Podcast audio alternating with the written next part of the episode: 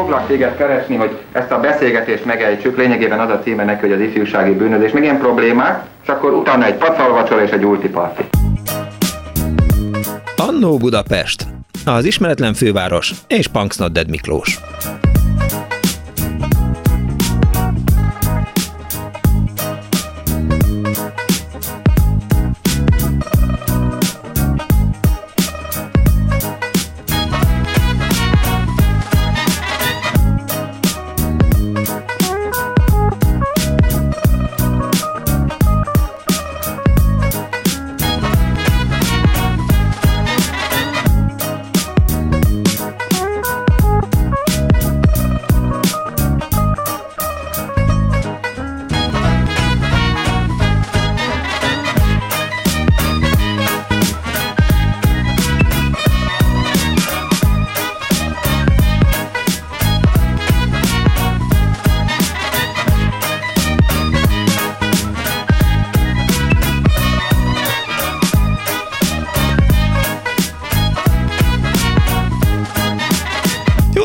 a kedves hallgatóknak! Ez a Klubrádió, benne az Annó Budapest, az önök alázatos narrátorával, Punksnodded Miklós vagyok. Kemény Dániel itt a felkészülési időszakban, nem a műsort megelőző órát jelenti. Nagyon jó jazz hallgattunk, és akkor rájöttünk, hogy hát az összekovácsolva jazz és a Dixieland stílus bizony-bizony érthető. Garbarek Shankar Trilog Gurtu 1984-es albumába merültünk el, mindenkinek ajánlom figyelmével, tényleg zseniális albumról van szó, de a műsor az természetesen nem a jazz. Volt már szó a jazzről? Azt hiszem, hogy volt annó a jazz, de, de, de, de, de, de. De ha nem volt, akkor biztos, hogy lesz. De lehet, hogy lesz az annó a Dixieland. Szóval 24 06 95 3, 24 07 elég jól átment az üzenet, hogy ma a rajz órákkal, a rajz tanítással szeretnénk foglalkozni az elkövetkezendő két órában. Úgy általában az oktatás helyzete, ahogy észrevettem az elmúlt néhány évben, meglehetősen érdekli önöket, és szívesen szánok bele abba a játékba, hogy felidézzük az egykori óráinkat, testnevelés óra, orosz óra, és a többi, és a többi. És akkor most azt gondolta a szerkesztőbizottság, Árva Brigitta és Pálinkás Huan ült össze, hogy akkor ma a rajz legyen a téma. És eh, az egyik hallgató már írt is, eh, Dobos Csilla, egy eh, üzenetet a Viberen, 24 0953, 24 0630 30 30 ez az SMS és a Viber szám. Azt írja Dobos Csilla, hogy az én rajztanárom és az osztályfőnököm Berta Márton meghatározó személy volt az életemben, míg rajzolt, voltunk, Trisztán és Izoldát olvasott fel nekünk angolul, angol tagzatosak voltunk, délvetítéssel színesített művészet történet órákat is tart, eh, beiktatott, nagyon hálás vagyok ezekért. Neki, írta Csilla 0 30 30 30 95 3-ra és tényleg arra biztatom önöket, ahogy ezt Pálinkás van megírta a videós ajánlóban, hogy ma azt a kérdést tesszük fel, milyenek voltak az első ecsetvonások a rajzórán, mi maradt meg emlékezetükben a rajzórákról, a beszáradt temperákon, a vizes tálkákon, a félfamentes rajzlapokon, a rajztáblákon, HB és ceruzákon és a csendéleti köcsögökön kívül sikerült-e egykori rajztanáruknak formálni az önök vizuális kultúráját, vagy inkább csak le kellett tudni az egészet. Jártak együtt kiállításokra, a rajz rajzoláson és a festésen túl milyen művészet történeti alapokat adott az iskola és a tanár. Voltak-e rajzszakkörösök, esetleg jártak az iskolán kívül rajziskolába, milyen volt a presztízse a rajztanárnak a tantestületben és a diákok közt, meg annyi téma, de persze önök is előállhatnak a sajátjukkal, ha kapcsolódik. Igen, tehát tényleg természetesen mennyire jellemző az az oktatási rendszer, ami a rajzot és a földrajzot, hát rajz-rajz mind a kettő, azt e, ugyanannak a tanárnak adták, tehát ilyen szakokat indítottak. És a vonal túlségén már itt van barátom Pálfi György, nyugdíjas grafikus. Jó napot kívánok, szervusz Ka. Szervusztok, köszöntöm szeretettel a hallgatókat. Figyelj, egy nyugdíjas grafikus az mit csinál? Haló! Itt vagyok, nem hallani? Azt kérdezem, hogy egy nyugdíjas grafikus mit csinál? Például rajzol. Ugye? Nagyon sokat rajzolok most is.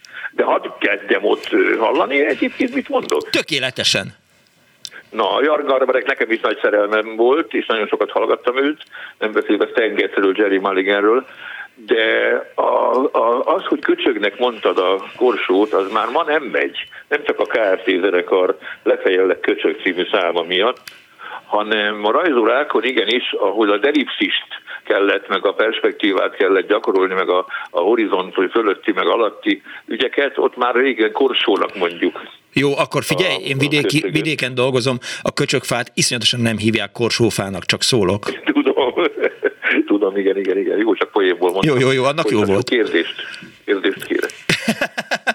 Te mikor tanultál meg? Mondjam, és hogy... mondjam szabadon? Mondhatod Mondom szabadon, én. nem, nem, nem, nem, nem. Hogy akkor, amikor a kis Pálfigyurikát beíratták ott a 13. kerületben valamelyik általános iskolába. A Nagyfehér iskolába. A Nagyfehér iskolába. utca. És, és akkor azt mondta a Gyurika, ugye szeptemberben megmondták a szülőknek, hogy mit kell vásárolniuk, le volt írva, és akkor vettek temperát, meg színes ceruzát, meg rajztáblát, meg félfamentes rajzlapokat. Gondolom ez ötödikben kezdődött el a rajztan. így volt, igen. 10 fileres és 20 fileres rajzlapok voltak. A 20 fileres volt az A3-as 42x297 mm. Igen, vagy nem mondja mennyire pontosan a dolgokat? Hát mindenféleképp, ha nem pontosan mondjuk, akkor semmit sem ér az egész. Akkor 420x297. 420x297, az az A4-es, nem? Ez az A3-as, és ez volt a 20 fileres félfamentes vagy rajzlap. Igen? Akkor, amikor te bementél az első rajzórára, akkor már tudtad, hogy 2024-ben eh, nyugdíjas grafikusként fogsz beszélni a Punks Not Dead-del? Nem, nem, nem. Na minden, az a lényeg, hogy az általános iskolában is imádtam, minden iskolában szerettem a rajzot, nagyon, és ez is, ez is a fontos, hogy nagyon remélem, hogy nem viszik vi őrületes tervezetet, hogy megszüntessék a művészet történetet, mert nagyon komoly kapcsolatban áll a művészet történet a rajzolás. Abszolút. A manuális kultúránkkal iszonyú közel van. Szóval a, a, a rajzórákra én nagyon emlékszem, és nagyon szeret, hogy mondtad, a temperát, az akvarelt, a lecsetezett, meg egyebeket.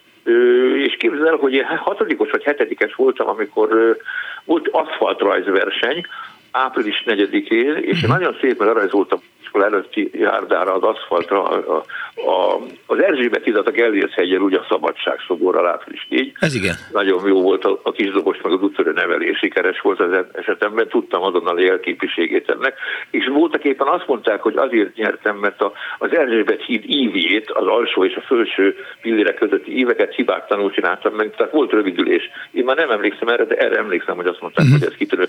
Nyertem is egy Brno Brno mellett egy úttörő táborba egy kéthetes vagy tíznapos kiutazást örültem ennek az egésznek. Mekkora, volt, nagyon, me, várjál, igen, mekkora volt ez az aszfaltrajz? Mond, mekkora, mekkora volt, ez a rajz? Googolva, amit googolva, térdelve el lehet érni. Olyan szerintem egy méterszer másfél fekvő uh-huh. volt, úgy emlékszem. Ja, nyilván az volt, hogy, hogy föl volt kockázva az aszfalt, és akkor jöttek a kis nebulók, és mindenkinek volt egy méter húszszor egy méter húsz. Így, így volt, így, így, így, így volt, igen. És... Tehát azt megnyertem, és mehettem Csehszlovákiába.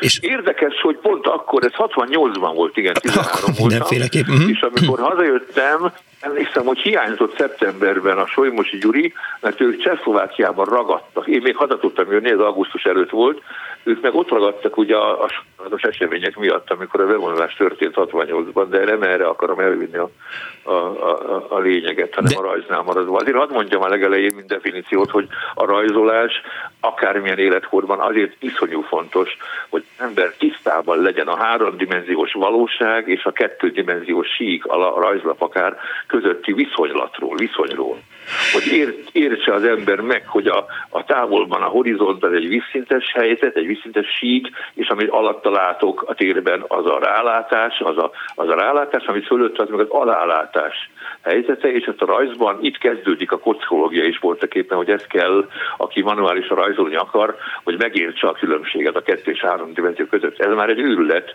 hogy, hogy a rövidülést megtanuljuk már általánosban, mert emlékszem, hogy megtanultuk a köcsög vagy a korsó rajzolásakor az ellipszisnél. Ugye, mert ha belelátunk a köcsögbe, akkor az alálátás, vagy az rálátás, már bocsánat. Igen, szerintem ott mindenki ott rontja, engel, mindenki ott rontja el a, a, a köcsög rajzot, vagy a, vagy a korsó rajzolását, hogy ahhoz képest, hogy hol ül a kisdiák, ahhoz képest belelát a, a korsóba, holott nagyon nem láthat. Hogyha fölötte ül a horizontnál, igen, a vízszintnél fölötte ül, ül akkor belelát.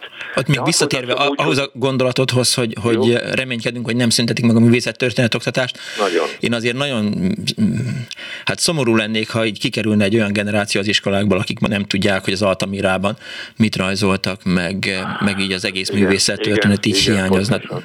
Tehát az, az teljes csőd. Hát akkor, akkor igen, hát ugye már a, mond. Az írás történetnél is a, a kommunikáció kezdete, hogy a csomó írásról hogyan alakult a betű, az is rajz voltak éppen, és az is a rajzhoz áll, hisz a betűknek a, a karaktere, a formája, az olvashatóság egyben, és a betűnek a karaktere, a ruhája, a jellege, az ugyanolyan kézi, manuális eszközökből készült, még a Gutenbergnél is, amikor fából kifaragta ugye a gót betűket, vagy fraktúr betűket tükörfordítva. Szóval nagyon fontos a rajzoktatás. Az én, én mondjuk a, a, a kisképzőbe akartam menni, de az apám belerőszakolt egy műszaki iskolába, uh-huh. a bújaiba. Nem bántam később, de akkor igen, de na, később nem bántam meg, mert egy csomó olyan készséget megtanítottak, ott is volt rajzóra, ott inkább műszaki rajznak hívták. Kérdezd, képzeld el, hogy a Dani is oda járt. Komolyan? Aha. A bújaiba? Igen. Jó, Váci út? Hát Váci út, itt írja nekem a, a üzenet, üzenőrendszerben, azaz, ezt a szót is leírta. Azaz, imádtam. Sőt, bolgár is oda járt, azt mondja. Igen, meg a Kern András is úgy tudom. Aha, na jó. Na, szóval Elég a belteriből. Akkor kezdtük el a műszaki sulit, hogy előtte nagyon híresen jó volt a Bógyai gimnázium, uh-huh. még volt csapkájuk, meg meg, meg, meg jelvényük, és mi szerencsére örököltük a történelem, az irodalomtanárokat, meg a könyvtárt is, úgyhogy nekünk elég, elég, elég erős volt a humán oldala is az egész képzésnek, de inkább a rajzra visszatérve. Igen. Tehát én aztán elkezdtem ugye rajzolni rajziskolákba, mert azért gondoltam, hogy nekem rajzolni kell mindig is, nem pedig műszakiskodni, és elmentem a gimnázium vége felé a Dési Huber István képzőművész körbe, ahol bizony a kockológia, mint olyan elkezdődött, aztán jött Károly bácsi, az utcaseprő, akit rajzoltunk, uh-huh. így tovább ment a kroki, a krokizás, ugye én küldtem neked néhány rajzot, igen, megvan a kroki is a, a Farkas Katiról, Szóval, és így szépen felépült a rajzolás a festésig, és a festésen túlig, és akkor a technikák is. Szóval én aztán persze mentem külföldre is tanulni, meg a, meg a momére is aztán bekerültem, de már 23 évesen, úgyhogy iszonyú vastag és nagy mappán volt. Rengeteg rajza, rengeteg, rengeteg rajza, mert iszonyú erős, és nagyon fontos a, a manuális rajz, és mond még egyszer mondom utoljára talán, hogy a kettő és három dimenzió közötti közlekedést gyakorolnunk kell. Micsoda a kettő és három dimenzió közötti közlekedést? az, igen, az agyunkban való közlekedés gyakorolni kell a kezünkkel, mert az, a kezünk az egy eszköz, ugye? A, a technikát, hogy a rajzolást elsajátítsuk, az kezünkbe fogjuk HB-t mondtál, hát HB-t nem nagyon használnak nem. a grafikusok, igen. inkább 2-től 6B. 2B, 6B, igen. igen. Az, amit rajzoltunk, rajzolunk. De hogy a közlekedés alatt azt értem, hogy az agyamban kialakítsam azt a képességet, hogy én okosan használjam a kezemet, mint eszköz. Mm. És a, a, a, az eszköznek a végén ott legyen az a tus, vagy ecset, vagy, vagy airbrush akár, vagy légecset, vagy számítógépes digitális szeruza, amivel a, a, a deszken ugye mozgatom a dolgokat, mert igazából mindegy, hogy mivel készül, csak a manuális rajz nagyon is látszik. Én oktatóként azt kell mondjam, hogy igenis láttam a rajzi képességeket, hogy melyik diák az, aki a számítógép felől érkezett be a rajz és a manás világába, azonnal látszott hogy kinél maradt ki uh-huh. az a bizonyos szükségképpen eltöltendő néhány év, amit a, amit a rajztáblán kell elkezdeni, a koszológiától a krokinát az egész alakos rajzolásig. Szoktam hallgatni Bolgár György műsorát, és mindig hallom, hogy serceg a toll és serceg a ceruza, és múltkor megkérdeztem, hogy mit csinál, ő is rajzolni szokott egyébként rádió műsorvezetés közben. Igen, a telefongrafikának hívjuk a szakmában azt, amikor az ember dumál valakivel, és a firkál a jegyzet fizetébe, azt később meg kell nézni, van annak csak az egy 10%-ára figyel, koncentrál az ember, mégis valami ott marad, azok általában nem buta kockák, körök, meg elvizések, meg vonalak, Igen. meg satírodás. Mi azért inkább tudatosan rajzolunk. Múltkor ha valamelyik... És még, mert akkor átadnám inkább a többiek. Jó, ma jó, jó. Az, azért, még, azért még maradjunk egy kicsit. Múltkor ugye Orbán Viktor egyik rajzát rakták ki valamelyik portára, nem is tudom, hogy a Telex vagy a, vagy a 24 pontú fényképezte, hogy a parlamentben rajzolgat a, a miniszterelnök. Igen. Nem kell megnézni. Jó, nem láttam. Az, azért majd nézd meg, de hát nyilván. Na de visszatérve, és aztán benned felfedezték azt, hogy tehetséges vagy? Vagy mikor fedezték fel? Hát nem vettek fel többször a, a főiskolára, és meg is értettem többször, és, és én nagyon féltem, hogy elvisznek katonának, ezért aztán olyan munkahelyekre mentem, például elmondom végig a, az érettségi után elmentem, a, a nyomdaipari suliba mentem, ahogy nagyon sokan helyesen elvégzik a két éves szakmunkás képzőt a gimnázium vagy a szakközépiskola után, uh-huh. amivel azt az alapozást megszerzik. Nyomdaiparit választottam, az állami nyomdában voltam bélyegüzletágnál, nagyon szerettem, két évig jártam, annyira, hogy nem is mentem el felvételizni a két év közötti időszakban, és meg is kérdezték ott a főmérnökök, hogy na hát itt minden diák izének ugrodeszkának használja a nyomdát, meg az iskolát, és Aha. maga meg itt marad, azért maradtam itt, mert szeretném megtanulni. Offset gépmesterként kezdtem, retusőrként, reprodukciós fényképészként végeztem, tök jó volt. És akkor és hogy volt az, amikor... Akkor rajzoltam végig, uh-huh. és akkor elmentem, hogy ne vigyenek a katonának, mert nem vettek föl az iparra. Elmentem a Magyar Néphadsereg politikai nevelő munka anyagi és módszertani központ grafikai stúdiójába. Ez igen, gratulálok. Grafikusnak, dekoratőr grafikusnak, mert ez polgári alkalmazottként nem hogy elvigyenek sorkatonának, és ez nekem tök jó volt. Ezt nagyon jó kitaláltad.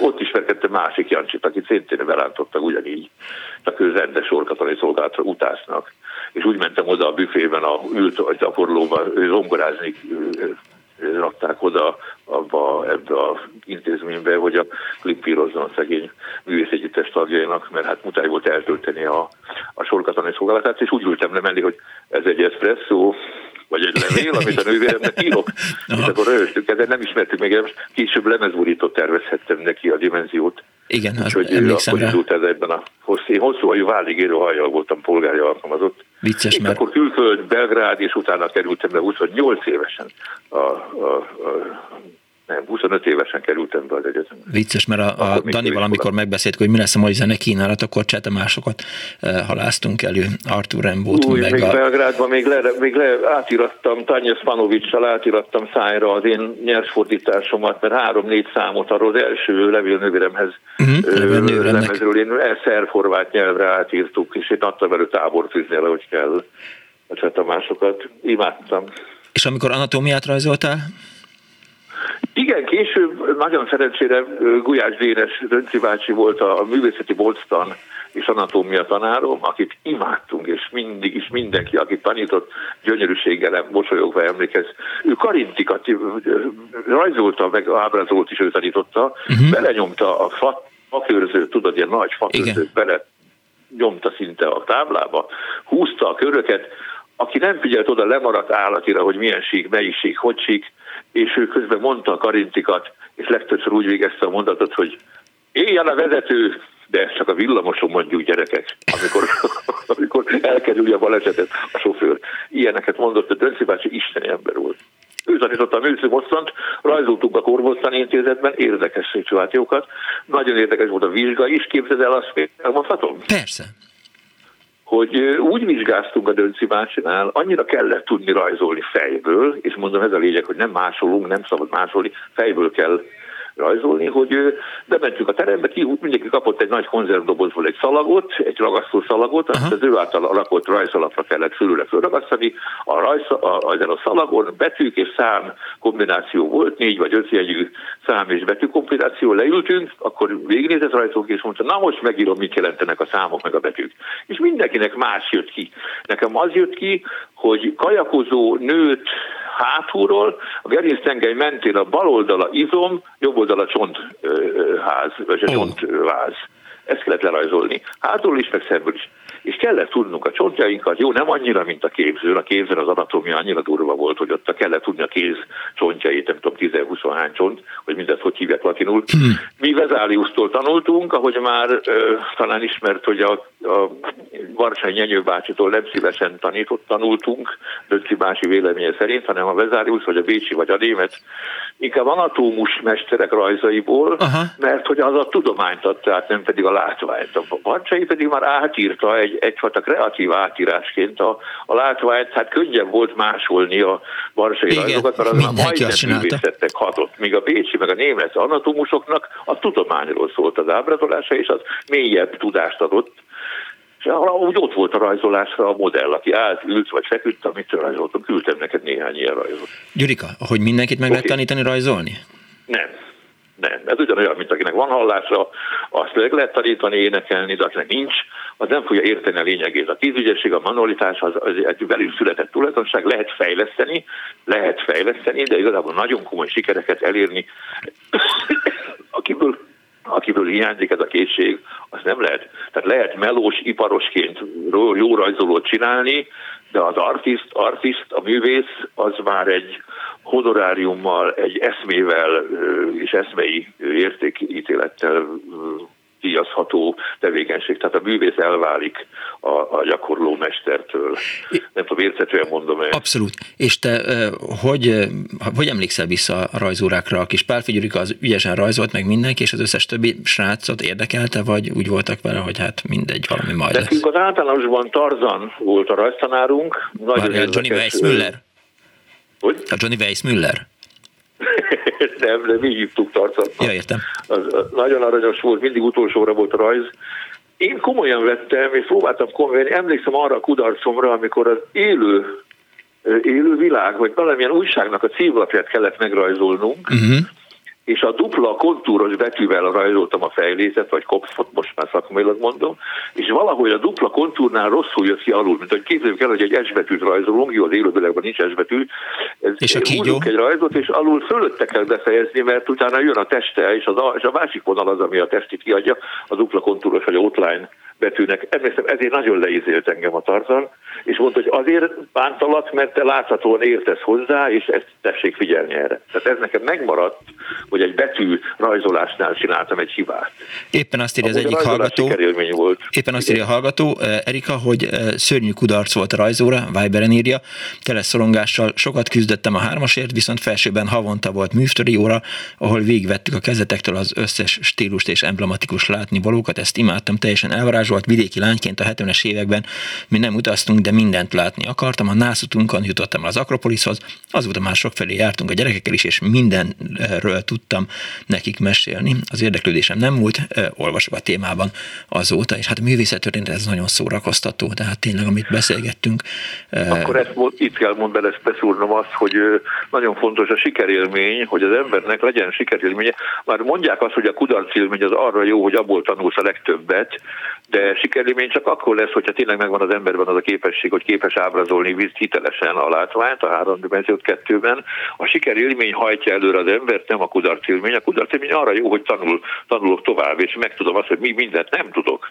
Tehát hang, hangban, és a művészettörténet ezért kell, hogy lássuk, hogy, a, hogy hogyan rajzoltak a reneszánsz mesterek, hogy mi, mi, hogy, hogy csináltak márványból olyan gyönyörű redőzetet, meg, meg, meg sejem, meg, meg, meg drapériát, hogy tudták megcsinálni türelemmel olyan kezdetleges eszközökkel, amivel meg tudták csinálni, Michelangelo-ra gondolok főleg, hogy meg a rajzaikat. Hát nézni, én aztán elkezdtem persze időben középtónusú papírra, akár a, akár a 20 filéres rajzlapra, ugye szépiával, amilyen barnás, feketés, fotos festék, csinálni a, a, a, a Raffaello és Leonardo után, hogy megrajzolom a sötét részeket, meg barna krétával, spitkrétával megtónusodok, és a reflex fényeket fehér krétával megcsinálom a sötét középtónusú papírra, és mint egy térben egy sokkal élvezhetőbb tónusvilágot csinálok. Sőt, akkor még volt a Dürernél, hogy a tollba már, a tollat belemártja a fehér festékbe, és azzal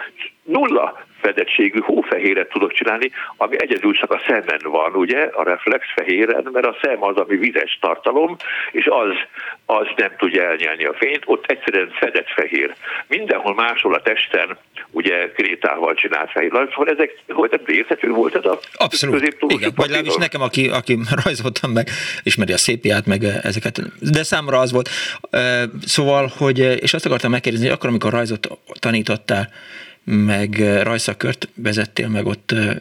Igen, animációsornak is vezettem rajszakört. A Pannonia stúdió, amikor indult az iparon, az animáció tanszék, akkor én, meg, én órajzós voltam mindig is tényleg, és megkaptam a lehetőséget, hogy a, a rajzi előkészítőt vezethettem a pannoniásoknak. Tehát a pannoniából jött rajzolók, kihúzók, animátorok, akik akartak menni a majdan induló animáció tanszékre, azoknak rajzol, rajzolákat tarthattam, és ez tök jó volt.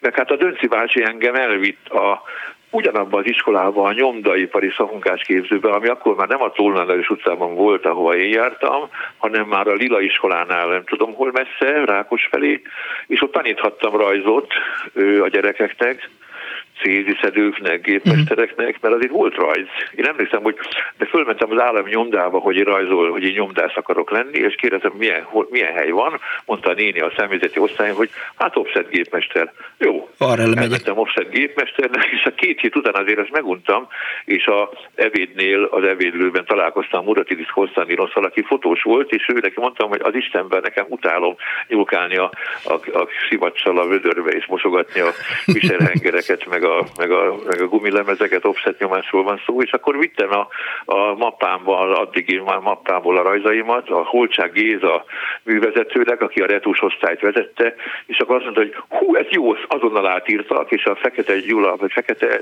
nem tudom, Fekete tanár úr is a, a nyomdai főzőben azonnal átengedett egy retusor osztályba, és nekem az állami nyomdában ott rézmetszők, litográfusok tanították a manuális rajzot, és pontoztunk, és a raster, és a kis, és a vonalkázás, és Jézusom nagyon-nagyon sok mindent, ott nagyon megtanultam az alapokat a manuális rajzból. Térképészek, mondom, rézmetszők ott dolgoztak egy nyomdában, és ráadásul a bélyeg üzletáknál voltam, és nagyon, hát az isteni volt. Erről hát majd máskor beszélünk a, a bélyegről, egyszer majd a bélyeg is lesz Jó, téma. Okay. Nagyon szépen köszönöm. Nem, majd arra figyelj, arra figyelj, Gyurika, hogy, hogy most, ahogy így látom a, a Viber falat, leginkább konfliktusos volt a, a hallgatóknak, vagy azon hallgatóknak, akik írtak nekem üzenetet, leginkább traumatizálta őket a rajzóra, de majd felolvasom mindegyiket. Köszi szépen! Jó, hallgatom tovább én is. Jó munkát nektek, és Viszlát! Hello, szia! Hello. Pál Figyör grafikus művész volt a vendégünk, és egy telefonszámunk 24 06 95 3, illetve 24 07 95 3, SMS-ben 06 30 30 30 95 3, Viberen is ez a számunk. Ha valakinek ez sok volt ez a beszélgetés Gyurikával, akkor elnézést kérünk. Tőle most jönnek a hallgatók. Halló, napot kívánok! Jó napot kívánok, Simándi Klára vagyok. Kész sok Klára. Én az általános iskolai magyar tanárnőm, bocsánat, tanárnőmről szeretnék megemlékezni.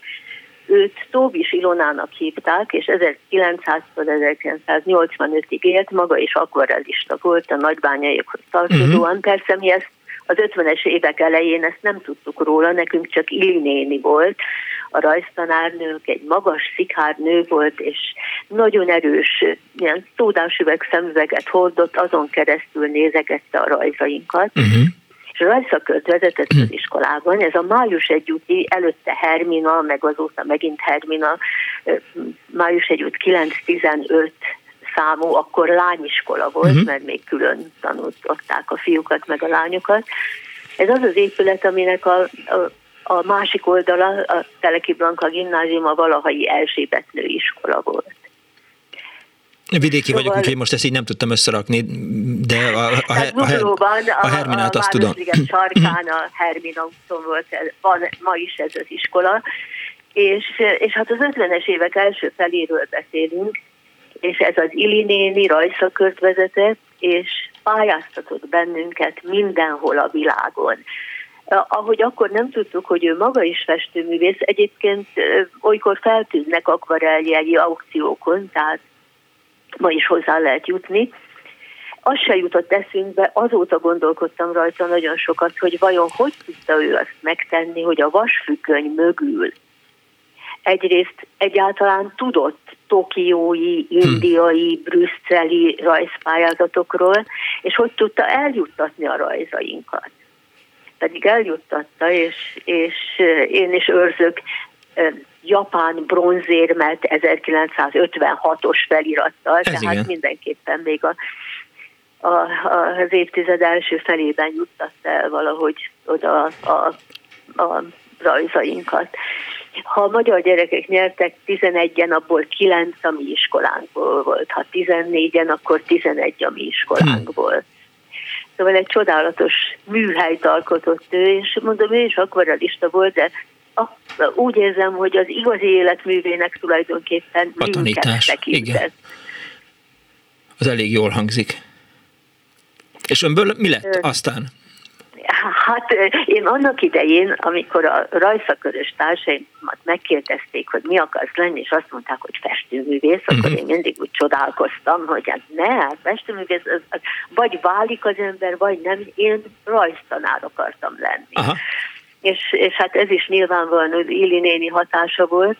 aztán nem vettek fel a képzőművészeti gimnáziumba, de addigra már az irodalom jobban érdekel, de tanárnak tanár lettem, uh-huh. magyar oroszakos tanár vagyok, és, és azt, azt a, a, hogy mondjam, ezt a menedzser szemléletet, a szót sem ismertük az 50-es években, amivel Hogyne. minket Lili néni késztetett mindenféle sikeres tevékenységre, ezt én azért hordoztam tovább, és a saját gyerekeimet, meg a tanítványaimat is, ha nem is rajzból, de nagyon motiváltam, hasonló módon, mint annak idején Lili néni tette minket a minden lehetőségen való részvételre arra emlékszik, hogy, hogy, hogy nem akarom a presszionál szót használni, hanem hogyan, hogyan terelgette önöket egy-egy téma, vagy oké, azt mondta, hogy gyerekek, itt van egy pályázat, Tokió, Brüsszel, bármi, békéről nem tudom, hogy miről kell rajzolni, hogy, hogy akkor mi legyen a, a megközelítés, és hogy mit rajzoljanak? Pontosan nem tudom megmondani, de, de úgy él bennem, hogy mindenhez kedvet csinált nekünk a lelkesedése, amivel, ami, amivel ő ezeket felkutatta, az egyszerűen átragadt ránk. Ezek a tokiói pályázatok történetesen a, az anya témában Aha. voltak. Hát ez egy, az, ez az egy hálás téma kislányoknak.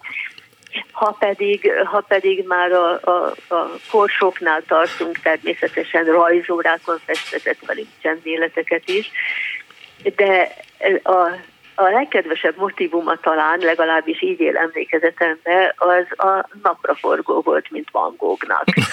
Most is, most is őrzöm gyerekkori rajzaimat ebből az időből, és igaz, hogy ő a napraforgót nem bázába vagy, vagy korsóba vagy köcsökbe rakta, hanem inkább a természetben háttérként festette velünk. Tehát szeretett, szeretett hogy mondjam, népi figurákat, paraszti, hát, paraszti jeleneteket vagy alakokat festetni velünk, és, és most és itt van a gépemen előttem az egyik, az egyik ilyen rajzom, ahol egy, egy kendős fiatal parasztasszony áll napraforgókkal a háttérben. Mert én is, tehát ugye, hogy hogy nálunk is a gyerekek mindenféle rajzpályázatra beneveztek, meg, meg elég ügyesek is voltak, meg időnként rejt, e, nyertek is mindenféle dolgokat, de mondjuk nálunk könnyű volt a helyzet, mert hogy a, a feleségem rajztanár, hát hogy nagyon finoman tud teregetni, de emlékszem, még most is megvan talán a telefonom egy-két rajz a gyerekektől, amikor svéd gyerekverseket illusztráltak, a banánost, vagy a, vagy a, vagy a, vagy a félelemről szólót, tehát valahogy így nagyon de maguktól rajzoltak egyébként, úgyhogy nem volt azzal semmi probléma. Hát mi sem voltunk annak idején, hogy mondjam, kényszerítve vagy mhm. presszionálva arra, Igen, hogy tegyük, ezt hanem, akartam megúszni. ahogy mondtam, inkább, inkább kedvet teremtett, a lehetőséget teremtette meg, és, és, és még egyszer azért azt szeretném hangsúlyozni, és nem kisebbítve ezzel a kedves felesége érdemeit, hogy azért az 50-es évek első felében, és aztán a másodikban is mások voltak a lehetőségek, mint, ja, mint persze, később, hogy és hogy ő ezt hogy, hogy ő ezt ennyire, ennyire fel tudta kutatni, és ennyire, ennyire aktív volt abban, hogy, hogy, hogy részt vegyünk. Ezt, ez nagyon jó. Nagyon. Örülök, hogy ennek sikerélményt jelentett a rajz, mert majd mindjárt olvasok fel hallgató üzeneteket, jellemzően nem ez volt a, a hangsúlyos. De köszönöm szépen, hogy hívott. Egyetlen mondatot Nyugodtan, hadd tegyek hozzá, hogy uh, ugye sokan voltunk, akik Ilinéni kez alatt pályázatokat uh-huh. nyertünk, de nincs olyan emlékem, hogy az osztály többi tanulójának nehezére esett volna a rajzóra. Aha. Szóval uh, ez nem azt jelentette, hogy, hogy favorizálta a jól festőket, hanem mindenkit képes volt elvarázsolni ezzel. Értem. Köszönöm szépen. Én is köszönöm. Kész sokan, viszont hallásra. Viszontlátásra. Néhány hallgatói SMS, aztán majd átmegyek a Viber felületre is. Haliva, amikor a gimiben rajzórán a feladat egy családtag, közszépen frissült a fal, egy családtag lerajzolása volt. Kovács Tomi haveromnak sikerült az álszakálas szemüveges faterját úgy megrajzolni, hogy mindegy volt, melyik végéről nézzük a rajzlapot, fentről és lentről ugyanúgy nézett ki. Jók vagytok, hadd szóljon írt a Tóth Janó. Egy másik hallgató azt írja, ezer 985 Buda, Labanc Budenc általános iskola, Mut Ágnes tanárnő az értékelhetetlen rajztudásom helyett zeneirodalomból vizsgáztatott, írta Péter. És egy másik hallgató, hogy a, azt írja, hogy a budai Rákóczi Gimi legendás rajztanára, ma már nyugdíjas Dréher János festőművész volt, a szép lányok nagy hódolója legendás művtöri órákat is tartott, írja Péter, illetve ő is, ezt is Péter írta SMS-ben a 0 30 30 30 95 ra Az adásunkban most bekapcsolódó hallgatóknak mondom el, hogy rajzórákról szól ma az Annó Budapest. Például azt írja az egyik hallgató, 24 06 95 3, 24 07 95 3 a telefonszámunk. Szép napot kívánok! Ha van botlábú ember, akkor kell lenni botkezűnek is. A tesómmal mi ketten botkezűek voltunk. Műszaki suliba járt a fiú testvérem, én rajzoltam az összes műszaki rajzát, annyi forintot kaptam érte, ahányas lett a rajz. Volt két forintos, volt öt forintos rajz is. Összességében négyes lett műszaki rajzból hála a körzőnek és a vonalzónak. Mindezt az 50-es vég, évek végén, a 60-as évek elején történt, amikor 50 fillér volt egy gombóc, vagy üdv Zsuzsanna, és egy hallgató a vonal túlsó végén. Jó napot kívánok! Jó napot, szervusz Tóth Gábor. Hello, hello, figyelj, rengeteg igazatlan mulasztásod van. Amiatt, hogy én most kint vagyok síelni Ausztriában. És Múlt héten is kint voltál? Az előtt is ott voltál? Tettem magamat direkt azért, hogy telefonálni tudjak. Egy miatt, több miatt igazándiból, hogy a vonatos dologhoz is majd hozzá szeretnék szólni, ha lehet, ami 17-én volt. És kimaradtál, igen? Hát kimaradtam belőle, mert nem értem időbe haza. Uh-huh. És nem tudtam, hogy ehhez a rajzhoz is hozzá fogok tudni szólni, mert mindenképpen telefonálni szeretem. Ja, és boldog új évet. Boldog új évet neked is, Gábor. Vagy kicsit aggódtam már, hogy valami baj van.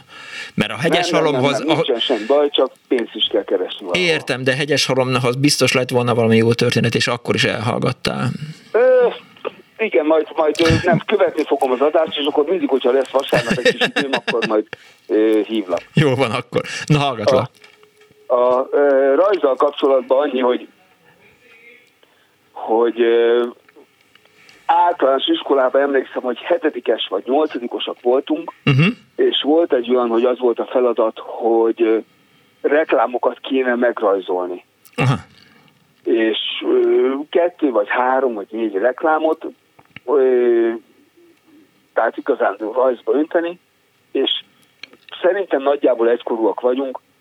Ha te emlékszel, akkor volt ez, hogy mosonfogat Amodenttel. Az én is attól ment el. Igen, igen, persze. Meg a reggel délben Omnia, meg ezek. Igen, igen, a, a, a viccesek. rajzba öntöttem. Uh-huh. Négyet rajzoltam le, és szüleimet emiatt behívták a, oh. a igazgatói irodába, mert azt mondták, hogy ezt így nem lehet. És édesapám volt annyira jó fej, de hát, hogy mi volt a feladat? Azt mondták, hogy reklámot kell rajzolni. Hát azt rajzolt a gyerek. Megkérdezte, hogy hát bocsánat, hát nem az van lerajzolva? És hát igazándiból nem tudtak vitatkozni ezzel a dologgal. Nem tudom, hogy nekem ez miért jutott így eszembe akkor, hogy ezt, ezt, ezt öntsem rajzba, és ne valami mit Ovo Maltint akkor már nem volt, ov, ov, akkor nem volt Ovo Bocsánat, szerintem. Nem hallak. Akkor nem volt Ovo Martin szerintem. Lehet, hogy nem volt. Nem tudom már. De, de én ezt egészen plastikusan ábrázoltam, uh-huh. bár az nagyon érdekes, hogy én nem tudok két dimenzióban ö, dolgozni. Én keramikus is vagyok, a, amellett, hogy sióktató és restauráló. Igen. És képzeld el, hogyha valami fotót nekem megmutatnak, és azt alkossam meg 3D-be, az én azt gondolom, hogy nem megy rosszul, uh-huh. de rajzolni nem tudok. Egyszerűen nem tudom két dimenzióba valahogy letenni, lekövetni például egy arcot, vagy egy, egy fotót. Egy fotó után nem tudok rajzolni portrét, de egy fotó után 3D-be. Megmintá, megmintázod? Szóval ezt, ezt, ezt nem értem, hogy a kettőnek hogy van köze egymáshoz, fogalmam nincsen. De kerámiát... Ennyit szerettem mondani, igaz, igazgató intőt kaptam egy, egy rajzóra miatt. Ez gratulálok. Kerámiát te hol tanultál? Hát ez egy picit autodidakta módon, uh-huh. és Hát ez, ez csatlakozik ahhoz, megint csak el, el, elmegyünk egész hosszú beszélgetésbe, hogy amikor Erdélyben én, én ásványokat csempésztem, akkor találkoztam egy keramikus barátommal, ahol ez nekem nagyon megtetszett a dolog. Uh-huh. Viszont nem tetszett a korongozás, hogy, hogy csak ilyen köralapú dolgokat lehet csinálni, és akkor azt lehet bokájt csinálni, vagy főzőedényt, vagy ilyeneket. És elkezdtem azon variálni, hogy fotók után elkezdtem próbálni megmintázni különböző dolgokat. Uh-huh. És rájöttem, a sokkal jobban sikerül 3D-ben formázni, de korong meg minden nélkül, nélkül. mint hogyha korongozni. Tudok korongozni valamennyire, tehát nem úgy, mint a, a nagymesterek, viszont nekem sokkal-sokkal közelebb áll hozzám az az ősi kerámia stílus, amikor nem volt még korong, hanem akár hurkából, vagy, vagy nem tudom mikből alakították ki a Tiszta, a ja, értem pontosan. Ja. Vagy magát a, a, a totem szobraikat, vagy ilyeneket, és akkor nekem ez így, így közelebb állt, és, és jó, hát nekiálltam. Mhm, jó. Van most már egy műhelyem, ah. aztán csinálom, és most még tetszik. Jó, mert az én pajtásaim, akik keramikusok voltak, vagy keramikusnak tanultak, azok ugye kisképzőbe jártak Szegeden, vagy, vagy itt Pesten a kis képzőbe, azok nagyon sokat rajzoltak, tehát ott kötelező volt a, a a szegedi képzőben rengeteget rajzolni keramikusoknak is. Persze mellette dolgoztak. Hát a Feldmár Andrást javasolnám nekik, aki azt mondta, hogy a, amikor ilyen művészképzőbe járnak az emberek, akkor igazándiból csak azt tanulják meg, hogy a ő mesterüknek mi az elképzelése a világról, és nem engedik őket saját maga szárnyal. Hát nem tudom, hogy Feldmár, Feldmárnak ebben igaza van, nem? Ez, tudom. ez az ő Én véleménye, de mindegy, de. ugorjunk. Na most akkor Na, mi lesz? Ugorjunk, akkor a vonatozás, azt elmondhatom még a vonatozás, El. mert 17-én, december 17-én a vonatozásról volt szó. Majd berakjuk abba a műsorba, be, bevágjuk. Igen? Vicceltem, de hogy? Ne hülyeskedj már. Tessék? Vicceltem! Jó, jó, jó. Mondjad. Annyi volt, hogy szintén Székesfehérváron árultuk az ikonjainkat. Az már volt, hát igen. elég sok pénzzel indultunk hazafele a vonaton Fehérváron, Fehérváron, és mi azt terveztük, hogy akártól leszállunk, mert egy barátunknak ott van. De ezt már meséltem, hogy a barátunknak Igen. ott volt telke. És leszállunk ott, és odaadtuk a kalauznak a jegyet, és mondták, hogy hát ez rövid, mert itt Agárton ezzel a jegyen nem lehet leszállni, mert legközelebb ez a vonat fej, Kelenföldön fog megállni. És akkor mondtuk, hogy hát szerintünk nem, mert? Mert hogy meg fog állni a, a gárdon, meghúzzuk a vészszéket. Oh, azt nem lehet. És mondtuk, hogy mennyibe kerül. És mondta 260 forint. Kifizettétek előre? Vagy 30 ezer. Előre kifizettük a vészszéket, és az volt a terv, ki, eh, ki, kisakkoztuk, hogy melyikünk fogja meghozni a vészszéket, az volt a terv, hogy pontosan az állomáson álljunk meg. Csak annak van értelme persze, hogy ne kell nagyon magasról ugrani. Tessék? Hogy ne kelljen nagyon magasról ugrani, amikor kiszállsz Igen, a vonatból. Igen, de túlcsúszott a vonat, és mhm. megállt pont a kereszteződésbe. És az a helyzet, hogy azt mondják, hogy a vészfék kör, meg a sima kör az, az két más dolog, és külön kell légteníteni, meg nem tudom, uh-huh. tehát, mhm. hogy meghúzzák a vészfék, ez elég sokáig tart. De ott azért szimpatikusak voltunk ott a vonaton az embereknek, hogy ah, ilyen fasz a gyerekek, hogy majd meghúzzák a vészféket, mert pont itt szeretnének leszállni. Aztán meghúzták. És akkor megállt a vonat a keresztezésbe, akkor az autók sem mentek se jobbra, se balra. Mi leszálltunk, egy ideig néztük a vonatot, de amikor a integetőkezekből fenyegetőkezek váltak, akkor inkább tovább mentünk, és akkor elmentünk. Volt Agárdon egy kocsma, az volt a neve, hogy hatos, mert 6 forint volt a sör, és akkor oda bementünk. Ugye erre gondoltam, hogy ezt még egy ilyen, ilyen vonatos történetet, Jó. A, ugye a 17-éről ennyit elmesélek. Belefért Gábor. Volt. Köszönöm szépen, azt, hogy hívtál. Nem hallottam, tessék? Köszönöm szépen, hogy hívtál, köszi. Én, én köszönöm. Bukkanyár, hello. Szia.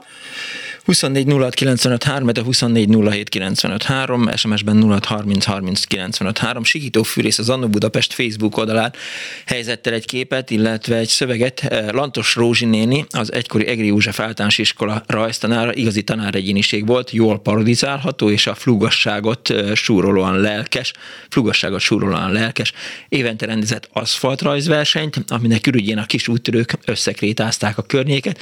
A képen a kis Sikító Fűrész éppen Fidel castro örökíti meg a Monkáda laktanya ostroma közben, mely alkotása következő eh, kiadós esőig halhatatlanná tette szőrmók barátunkat, és valóban látható a kis kép, és ha jól gondolom, akkor Lantos Rózsinén is látható, ha az ő kezében van az a bot, amivel éppen a kis sikító fűrészt e, majdnem azt mondtam, hogy egrecíroztatja, de azt a szót nem használom, mert nem mondtam pontosan egyszer.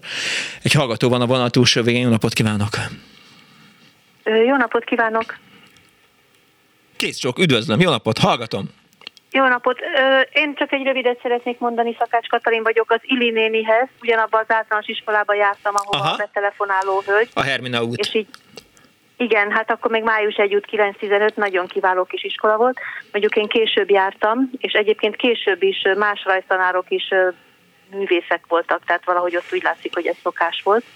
És arra emlékszem, hogy szerintem az Ili néni volt az, aki nagyon jól felszabadította a gyerekeket, mert rajszakkörön például arra biztatott minket, meg azt, azt tanácsolta, az volt a feladat, lehetőség, hogy virágokat rajzoljunk, virágkompozíciókat, de ami ilyen fantázia virágokat. És akkor az egy olyan jó megnyugtató uh-huh. volt a gyerekeknek, hogy jól bele tudták magukat engedni egy ilyen, ilyen rajzolási feladatba. Úgyhogy ez egy ritka felszabadító élmény volt az iskoláknak a hát ismerjük, hogy milyen világában. Az elég jól hangzik, tehát, hogy így, így igen, tehát, hogy én azt hiszem, hogy, hogy rajzból általános iskolában biztos, hogy nagyon rossz voltam, és nyilván lehetett előadást tartani Van Goghból, meg Gogemból, vagy valamiből is rengeteg művészettörténettel kapcsolatos könyvünk volt ott, és én nyilván felkészültem, és akkor valamit ott vetítettem a kis pajtásaimnak, és akkor, akkor nem kaptam olyan túl rossz jegyet, de biztos, hogy, hogy akkor látható kézügyességem biztos, hogy nem, nem jelent meg, meg nem nyilvánult meg jóval az általános iskola után kezdtem el én rajszakörbe járni, meg, meg artistáskodni gondolkodni egy kicsit. Igen, az is jutott eszembe, azért is ilyen impulzívan hirtelen betelefonáltam, mert ez a felszabadulás élmény hirtelen rám tört, hogy előtte emlékszem ilyen más rajtanárokkal az ember széjjel szorongta magát, hogy jaj, kiment a vonalból, és Igen. tudom, mi lesz, és úristen, kicsi a gyerek a rajzon, vagy nagy a gyerek, vagy nem tudom mi, semmi se jó sose, de ez, ez nagyon jó volt, és akkor mindig talált benne valamit, ami, ami, ami, ami úgy tetszett neki, és akkor szóval ez egy ilyen lelki gyógyító folyamat is volt. Úgyhogy ilyen, ilyen tanárok is voltak. Köszönöm Na, hát szépen. szerettem volna. Kész csókom. Viszont hallásra. Viszont hallásra. E, és ígértem önöknek Viber üzeneteket is, ugye e, azt írja Barna, hogy eh, akkoriban a rajzórákon a, én leginkább Feri bácsi pecsétgyűrűs kokiaira emlékszem, azt kaptam sűrűn, de nem dacból voltam béna. Egyszer ötödikes koromban egy vágtató huszárt rajzoltam, amit kitett Feri az osztály elé.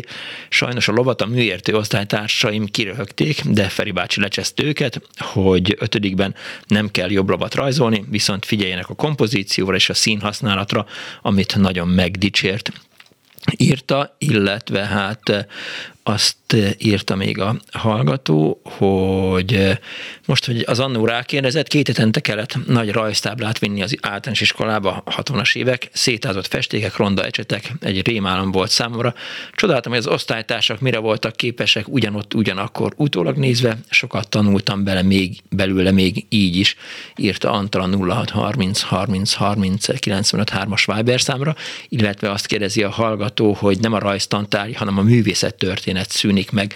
Igen, e, erről beszéltünk, vagy legalábbis erre próbáltunk így utalni, a rajz az nem szűnik meg, hanem a művészet történet, és ez volt az apropója, hogy egy kicsit beszéljünk a, művész, a rajzoktatásról, vagy a rajztanításról. Egy hallgató van a vonal túlsó végén. Jó napot kívánok! Szervusz Miklós, Levei Sándor. Szevasz! Hallgatom itt a hölgyet. Halló! Itt vagyok, hallgatlak. Szia, csak olyan csönd volt. Azon gondolkodtam, miután tegnap beharangoztad a műsor témáját, hogy milyen abszurditásokat produkál az élet. Na. Ugye én lehető legrosszabb kézügyességgel rendelkezem a földkerekén, és ugye emiatt a konfliktusai már az általános iskolában megindultak ugye a rajzból, mert ugye ezt nem akarták igazán tudomásul venni, pedig hát ugye ezek adottságok, uh-huh. és uh, amikor én bekerültem a középiskolába, ahol úgynevezett enciklopédia tantárgy is volt, Na. ami hát ez gyakorlatilag a nyomdaiparnak egy ilyen grafikai, tervezési, történeti tantárgya, uh-huh. amiből megtanulhatjuk ugye a múltat, hogyan kell megtervezni mondjuk egy címlapot, egy könyvborítót, azt kipesteni, befesteni, stb. És én mindent látok képben, csak nem tudom megcsinálni, és volt egy olyan feladat, hogy volt egy piramis, aminek a teteje hófehér kell, hogy legyen az alja pedig fekete, korom fekete, és a kettő közötti átmenetet a feketéből a fehérbe kell érzékeltetni, szépen, fokozatosan. Na most hát én összefestettem magamat, már festőművésznek éreztem magamat, egész nap ezt csináltam a, a, a hétvégén, ugye a házi feladat, és akkor egyest adott a tanár, mm. pedig próbáltam ugye úgy kevergetni ezt a két szint, hogy vízzel elegyíteni, stb. stb. stb és hát rájöttem arra, hogy azokat a konfliktusokat föl kell vállalni, amiben az ember nem tehet mást. Tehát az én tehetségem másba volt. Tehát én, amit nem tudok lerajzolni, azt megírom, és azt úgy írom meg, ahogy más meg nem tudja lerajzolni olyan szinten. Ugye Ragály Elemér mondta rólam, hogy gyakorlatilag hát ö, olyan képeket nem tud csinálni, mint amiket én versben csinálok. Tehát, hogy ez egy nagy dolog. És aztán pedig az abszurditása az életnek az, hogy olyan művészekkel kerültem össze közös könyvek kapcsán, akik a szakma csúcsán voltak. Tehát, hogy, és ezek képzőművészek voltak, a legnagyobbak, ugye itt a Péreli Zsuzsa, volt Szilágy Imre, aztán Máté András, tehát ugye a legnagyobb művészek voltak, ugye, és hát gyakorlatilag megírtam az ő művészetüket versben, amit én nem tudtam soha lerajzolni. Uh-huh. Tehát ugye az élet valahol visszaadja ezt a e, tehát ha az iskola nem szolgáltat igazságot és nem látja meg a tehetséget a gyerekben, én egyébként nagyon vigyázok a magam véleményével, mert megmondom őszintén, hogy nekem nagyon rossz véleményem van a, erről a porosz iskola rendszerről, az általános iskoláról. Nem mondod. Közép... Hát nem tudom, hogy... Mert nem Egy ember mutassál, akinek jó véleménye van. Hát én nem tudom, mert ugye árnyaltabban fogalmaznak néha az emberek, én is tudok árnyaltabban is fogalmazni, csak az a baj, hogy azt láttam, hogy még a tanárok is féltékenyek voltak a tehetséges gyerekekre. Tehát, hogy azt mondja, hogy mi az, hogy én nem értem el, és ez a gyerek el akarja érni, és úgy néz ki, hogy el is éri, hát nem. Ha tudom, visszahúzom. Uh-huh. Nagyon sok, sokszor ezt tapasztaltam. Uh-huh. És ez nem egy ilyen vádirat akar lenni a részemről, csak azt mondom, hogy én azzal a gyermeki tudattal, amivel éltem az általános iskolában, azzal is felismertem azt, hogy nekem nem itt kell megmutatni azt, hogy én mit tudok, mert itt nem lehet. Na most védekezési mechanizmus volt az egész, hogy az ember kihúzza ezt az időszakot, minél kevesebb sérülés meg sérelmet szedjen össze, és ezt tudatosan éltem meg a gyerekkori tudatommal is. Uh-huh. Tehát, hogy azt nem merem feltételezni vagy gondolni, hogy ennyire rossz lenne most is ez a, ez a fajta tehetséggondozás az iskolákban. Ezzel, ezzel nem, nem, nem tudom. Nem tudom Biztos, hogy nem ilyen. Akkor, vannak, vannak elitiskolák, úgymond idézőjelben. Nem biztos, hogy azért, mert sokat kell fizetni, hanem mert esetleg jó a tanári gárda, de a többségében nem hiszem, hogy jobb a helyzet.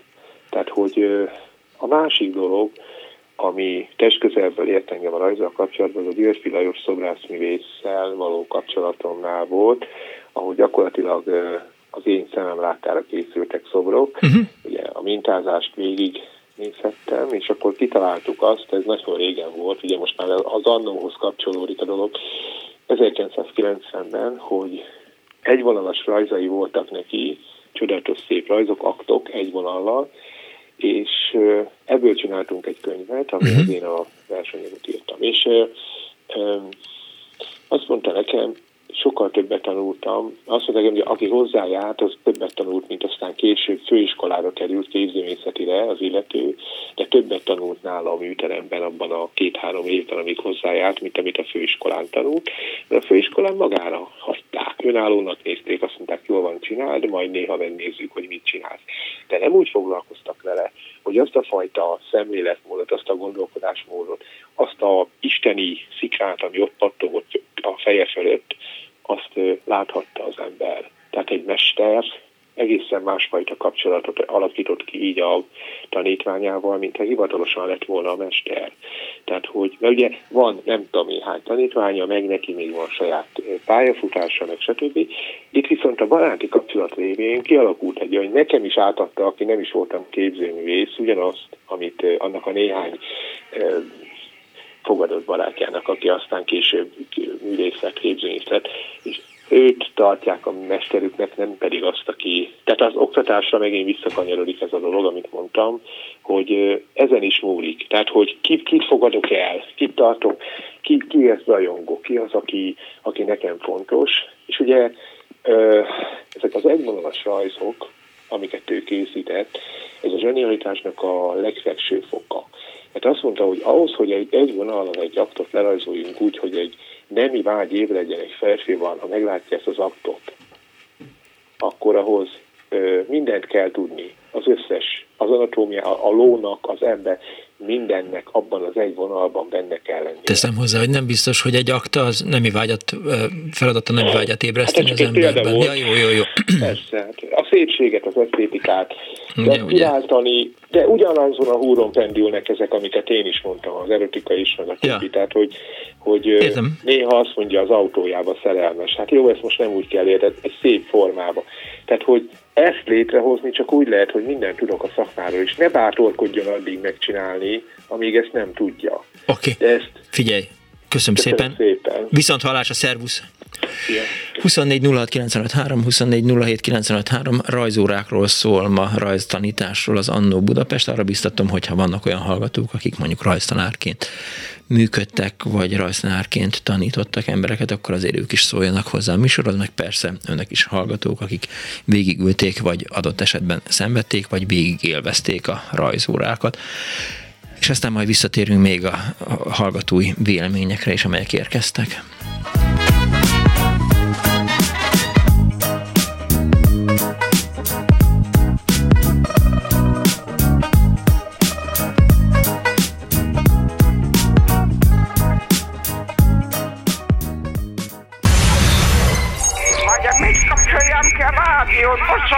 Jaj, igen, jaj, igen, igen. Elnézést. Jó napot kívánok. Mert ez a kis éppen olyan jó, és éppen azt teszi, amit kell. Annó Budapest, az ismeretlen főváros és Punksnodded Miklós.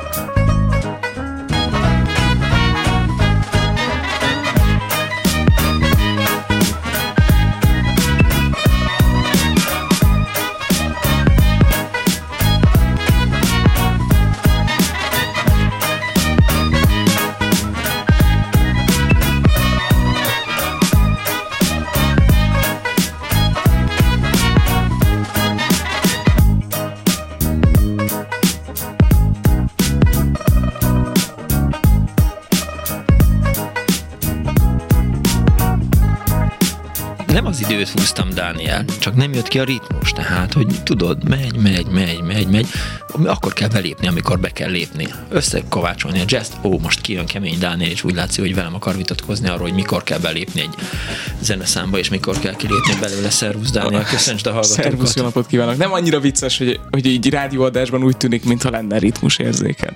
Tehát, hogy megpróbáljuk ezt a látszatot kelteni. Értem. És Ezt nagyon, nagyon jól csinálod egyébként. Hogy... Most egy kicsit vérzik a szemmel, harapom, hogy nem mondjak rá semmit sem. És, nem, nem, amúgy mindegy. legendásan, legendásan jó. Soha nem volt még ilyen jó. jó. Na köszi. A most ébredő kedves hallgatóknak ez a Klubrádió benne az Adnó Budapest az önök alázatos narrátorával és Kemény Dániellel. Telefonszámunk 24 06 953, a 24 07 953, SMS-ben 06 30 30 30 953, és ugyanez a Viberen is él természetesen. És azt akartam elmesélni, csak ugye a ritmusról vitatkoztunk Dániellel, hogy tök jó cikkeket küldött szokás szerint Kardos Józsi is, különösen érde, hát azt gondolom, hogy érdekelni önöket, lehet, hogy majd meg is mutatom, vagy el is olvasom. 1953-ban kialakult egy vita, ami arról szólt, hogy vissza kellene hozni, mert 1950-ben kivették a, a középiskolák e, tanrendjéből a, a rajzoktatást, és 1953, és az általános iskolákban is csökkentették a rajzóra számot, és 1953-ban volt erről egy vita, hogy bizony kellene ének és zeneoktatás, és ott Ember Mária írására hivatkoznak, azt olvasgattam, tök érdekes, mert azt hiszem, hogy pontosan jelzi azt, hogy miről is van szó, rajz oktatással, rajztanítással kapcsolatban. Azt írja az egyik hallgató a Viberen, rajzórán az ötödik megfogadásból megettem egy zsírkrétát, be is írta a tanár az ellenőrzőmbe. Az szép kihívás, mert azt hiszem, hogy azok a régi zsírkréták, ugye kétfajta volt, volt az a piros meg a kék, ami, amit zsírkrétaként megvásároltunk szeptember el, előtt, mikor az ember iskolába ment, és azok jó vastagok voltak, szóval az egy kiváló kihívás, hogy azt megenni. Na, Másik hallgató azt írja, nekem Blaskó János volt a rajztanárom, a színművész édesapja a Váci utcai általános iskolában. Szigorú volt, de sokat tanultam tőle. Na, mennyire érdekes és milyen furcsa, hogy, az én Blaskó Misi barátom, aki útrafutó meg minden, és az ő édesapja is rajztanár volt, Dő Monari Erdőn, csak már nem él és emiatt aztán nem tud telefonálni, de mondta, hogy beszélgettünk a futás közben a mai műsorról, és akkor derült ki, mennyire fura ez, hogy hogy a hallgatónak is Blaskó volt a rajztanára. Halló, napot kívánok! Halló, halló. Halló, halló. Most igyekszem magam nagyon visszafogni, mert éppen az adás elment, úgyhogy nem lehet hallgatni titeket a Basszus. My Online rádión. Oh. Bejelentem is szolgálati közben, tehát nagyon pipa vagyok. Hogyne? Hát hogyne, igen, hogyne. Jó, de Na. hogy tűnt el? Azon gondolkodom majd. Nem tudom, elment, az kész, mindegy nem tudom visszaállítani, majd a feleségem visszahallgatja idén a valami más. YouTube-on, vagy, vagy a, jó. Biztos azon, azon, azon, na, de most ezen picit most fel az agyamat. Na, mindegy, nem beszoktam mindig mutatkozni, meg elmondom, hogy honnan is számolom, most inkább azért, mert hogy lesz majd végén egy csatornos sztori, amiről beazonosító lennék, és azt nem szeretném. Okay. Na, a lényeg az, hogy a legelső kérdésem, hogy a, a, a Gyuri, az milyen Gyuri volt, akivel legelőször beszéltél? Pálfi, Pálfi György. Pálfi, na, tudtam, hogy valami, de nem, csak nem pont az elértő kapcsolatom. És a Gyuri azt mondta, ugye, hogy kérdezett tőle, hogy lehet-e tanulni a rajzolást, és akkor azt mondta, hogy szerinte nem. Hát szerintem lehet tanulni. Azt kérdeztem tőle, hogy majd meg lehet-e mindenkit tanítani rajzolni. Igen, Arra mondta azt, igen, hogy nem. Igen, és, és ehhez kapcsolódóan most majd kérdezem valakitől, de egy ilyen nagyon szörnyű bombont, vagy nem tudom mit mond, hogy en, tehát inkább ez a kötösség oda egy német, hagy mondjak el, mert az tegnap jött pont az a, a orcámba, hogy a kép aláírás a következő, én hiába próbálom, de nem lehet arra rajzolni, és a képen egy jobb agyféltekét fog az ütka a kezébe, és próbál a papírra vele írni, uh-huh. és azt mondja, hogy nem, nem sikerül neki jobb agyféltekés rajzolás. Tehát ezt majd esetleg úgy kívánok, hogy ez, ez valós, vagy nem valós az a dolog, amit most egyre többen osztanak meg neked. Uh-huh. Az észtori, ezt körülbelül egykorak vagyunk, tehát 73-ban kezdtem el járni egy Pest környéki általános iskolába. Mind a két szülőm ott tanított szintén, Úgyhogy ismert gyerek voltam, tehát picit azt mondom, hogy a többieknél ugye már előbbre jártam abban a tekintetben, hogy tudtam írni, olvasni, és a rajz is úgy látszik, hogy kicsit jobban ment. Aha.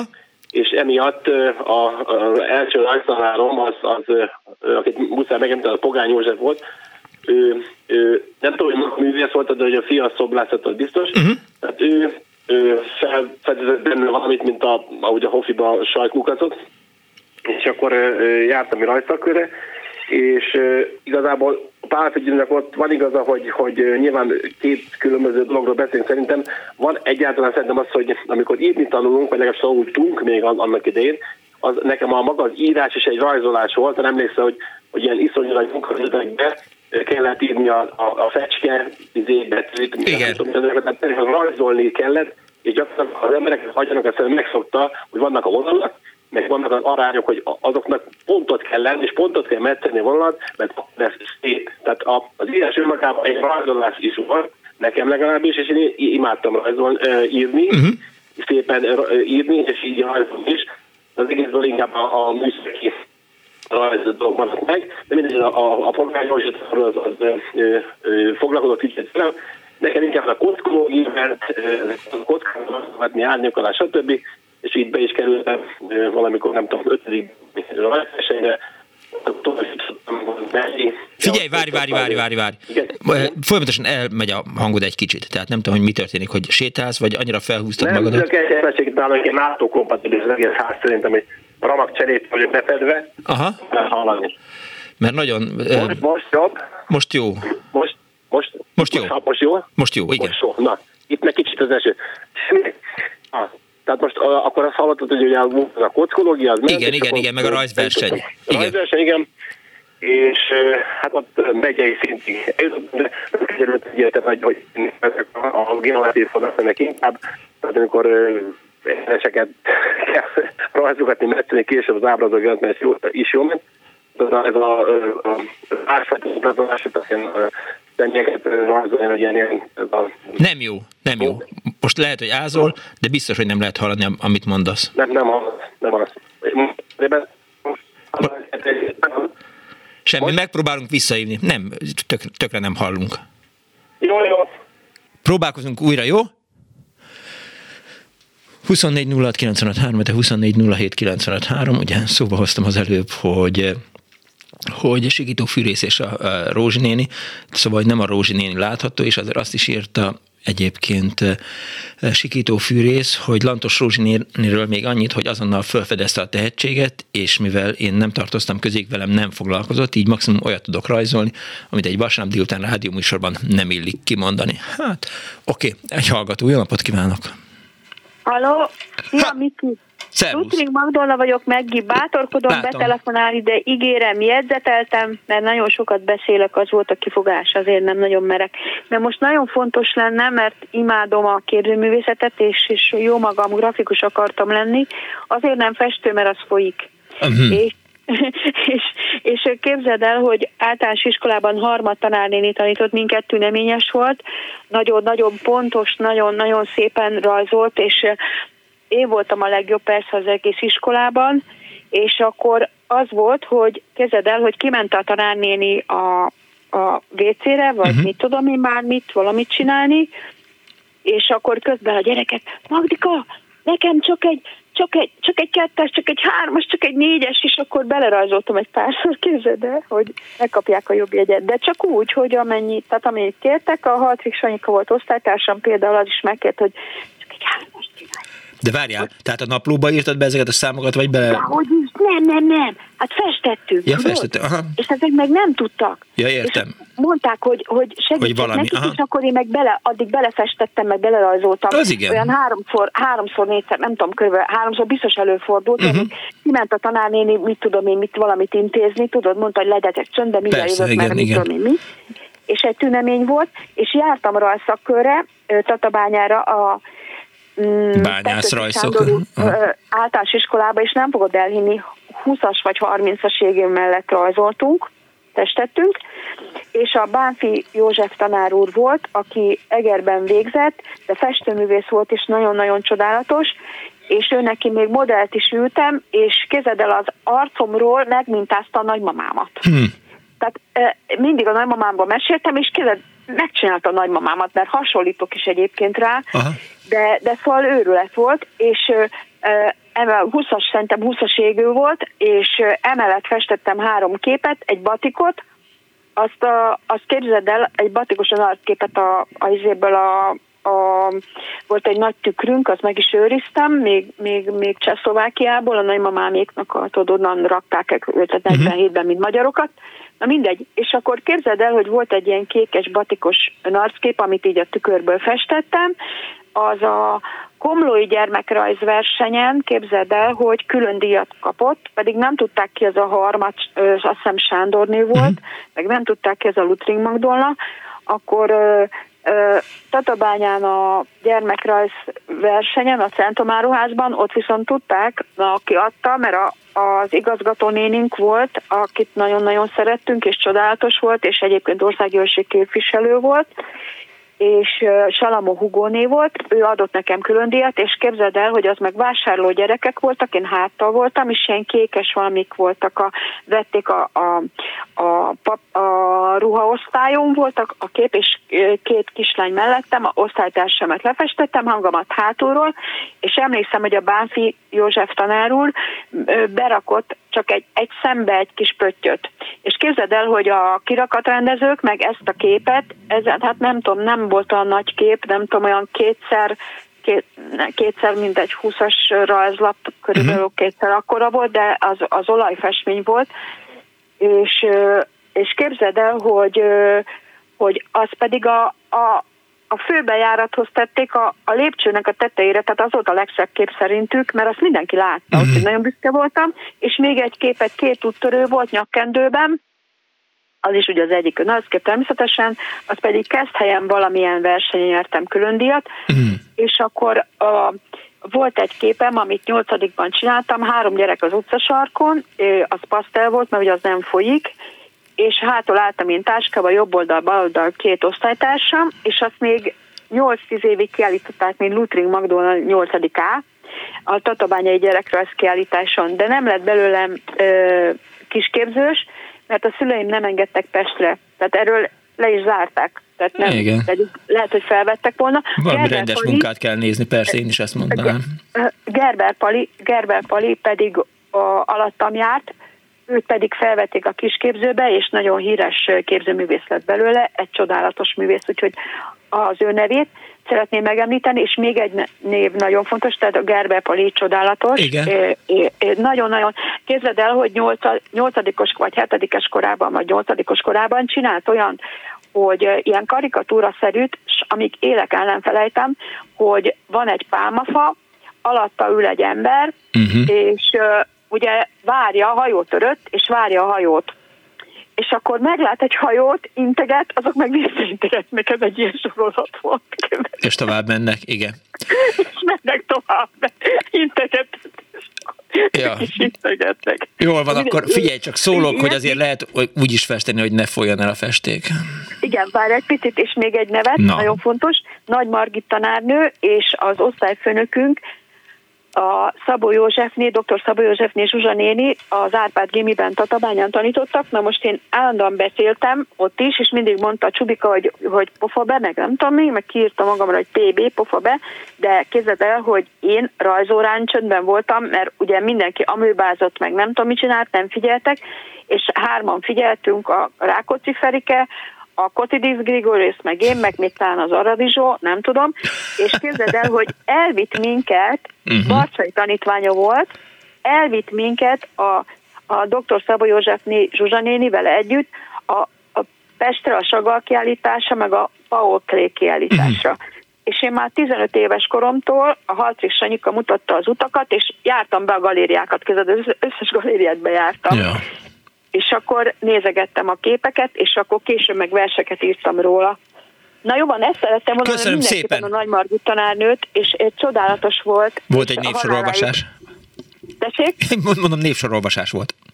Igen, igen, várjál, de még egy Nem a történet. Ja, még egy fontos, egy fontos, Na. hogy Amerikában tanultam, 73-ban érettségiztem, és kivédtek a rokonok, a nagybátyám szerzetes volt, és az apácák imádták, mert gyönyörű férfi volt. Magdi százszor elmondtad már. tanultam, és kézed előtt egy professzor tanított, engem műtörire, és kétszer két óra volt, szlájdok voltak, tehát vetítés, és előtte egy Mrs. de Gaulle nevű nő, mondtam neki, nagyon szeretem a művészettörténetet, és a Gyuris Andris szerelmemmel pedig lapozgattuk a könyveket. A könyvtárban, és fogtuk egymás kezét közben, hogy titokban, tudod, és az egész műtörténetet végigtalmányoztuk, meg el is olvastuk, meg mit tudom én, az Arner Tivadarnak a a, a műteréjét elolvastam, én is emlékszem, és képzeld el, hogy ez a Mrs. de Gaulle a valamelyik uh, hú-hú a csokonai lilájának volt valami rokona tudod, leszármazottja, ezt mesélte, és azért volt a dögál, mert hogy nem esi valami, azt ő uh-huh. hozzátette, és azt mondta, hogy ha te szereted a művészettörténetet,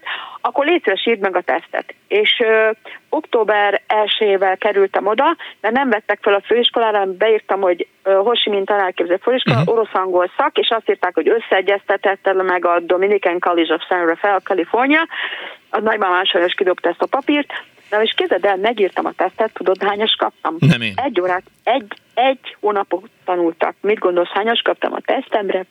Hát ötöst. Hát, nem. C plusz, háromnegyedet. Na de nem voltam ott egy órán se. Ja, ja, ja. Hát jó. El. És azt mondta, azt mondta Mrs. de Gaulle, egy amerikai nem írta volna meg. Ja, ja, ja, értem, értem, értem. Na, nagyon szépen köszönöm, köszönöm szépen. a műsort, nagyon szeretem. Köszönöm szépen. Szevasz, Meggi, hello. Szia, Isten áldjon. Szia. Hello.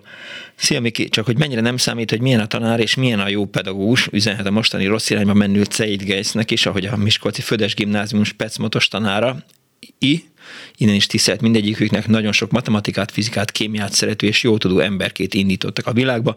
Így szeretnék megemlékezni a Miskolci 26-os számú Móra Ferenc általános iskola rajztanáráról, Homman Györgyről, Gyuri bácsiról, akiről én csak évekkel később tudtam meg, hogy festőművész, a rajzórákon a gyerekek kedvenc zenekaruk Barkéli lemezborítót csinálhatták meg, linó metszettünk, akvarel olajfestés, szénrajz, pitta, rajszakörön Super 8-as színes filmre forgattuk legós top motion animációs filmet, hatos voltam papírmasé, agyakiégetés, litográfia, stb. Egy életre megváltoztatta a jövőmet, megnyertem szinte minden városi és megyei rajzversenyt, és szerintem miatta csináltam 50 plusz videoklipet, kisfilmeket, lemez CD borítókat, alfestményeket.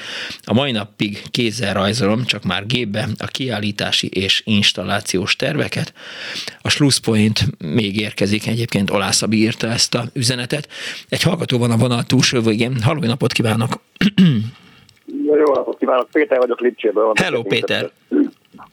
Na, egy folyatnám hogy a családi délutánt. A, előbb a bátyám telefonált. Erre van a poén.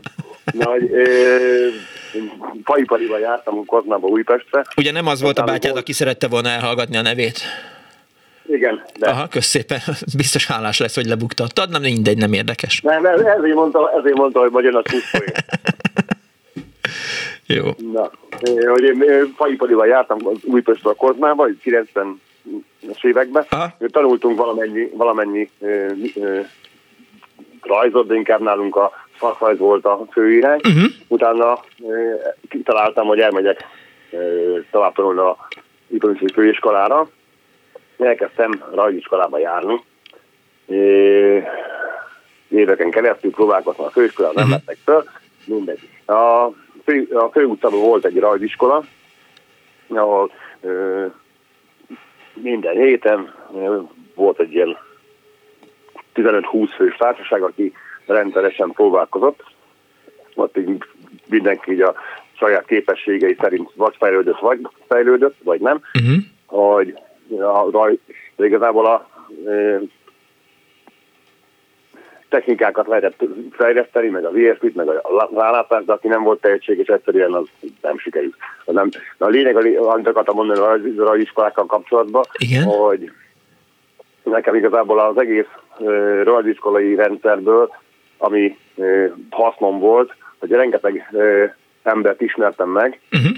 akikkel így uh, jártunk uh, kiállításokra, olyan helyekre, amit ugye az ember a saját, akkor nem volt még internet, meg semmi, úgyhogy az embernek az információ mennyisége az eléggé korlátozott volt, ott viszont eléggé folyt a klubélet, úgyhogy gyakorlatilag így a, ha nem rajziskolában voltunk, akkor valamelyik galériába. Belvárosi galériába uh-huh. kiállításon, meg volt benne a poén is, mert hogy a kiállítás akkor mindig ingyen, ingyen volt a pogácsa és a pesgő, hogy az nagyon praktikus volt és utána később én ebből a rajziskolai ismerettségemből profitáltam, mint ismerettségi háló,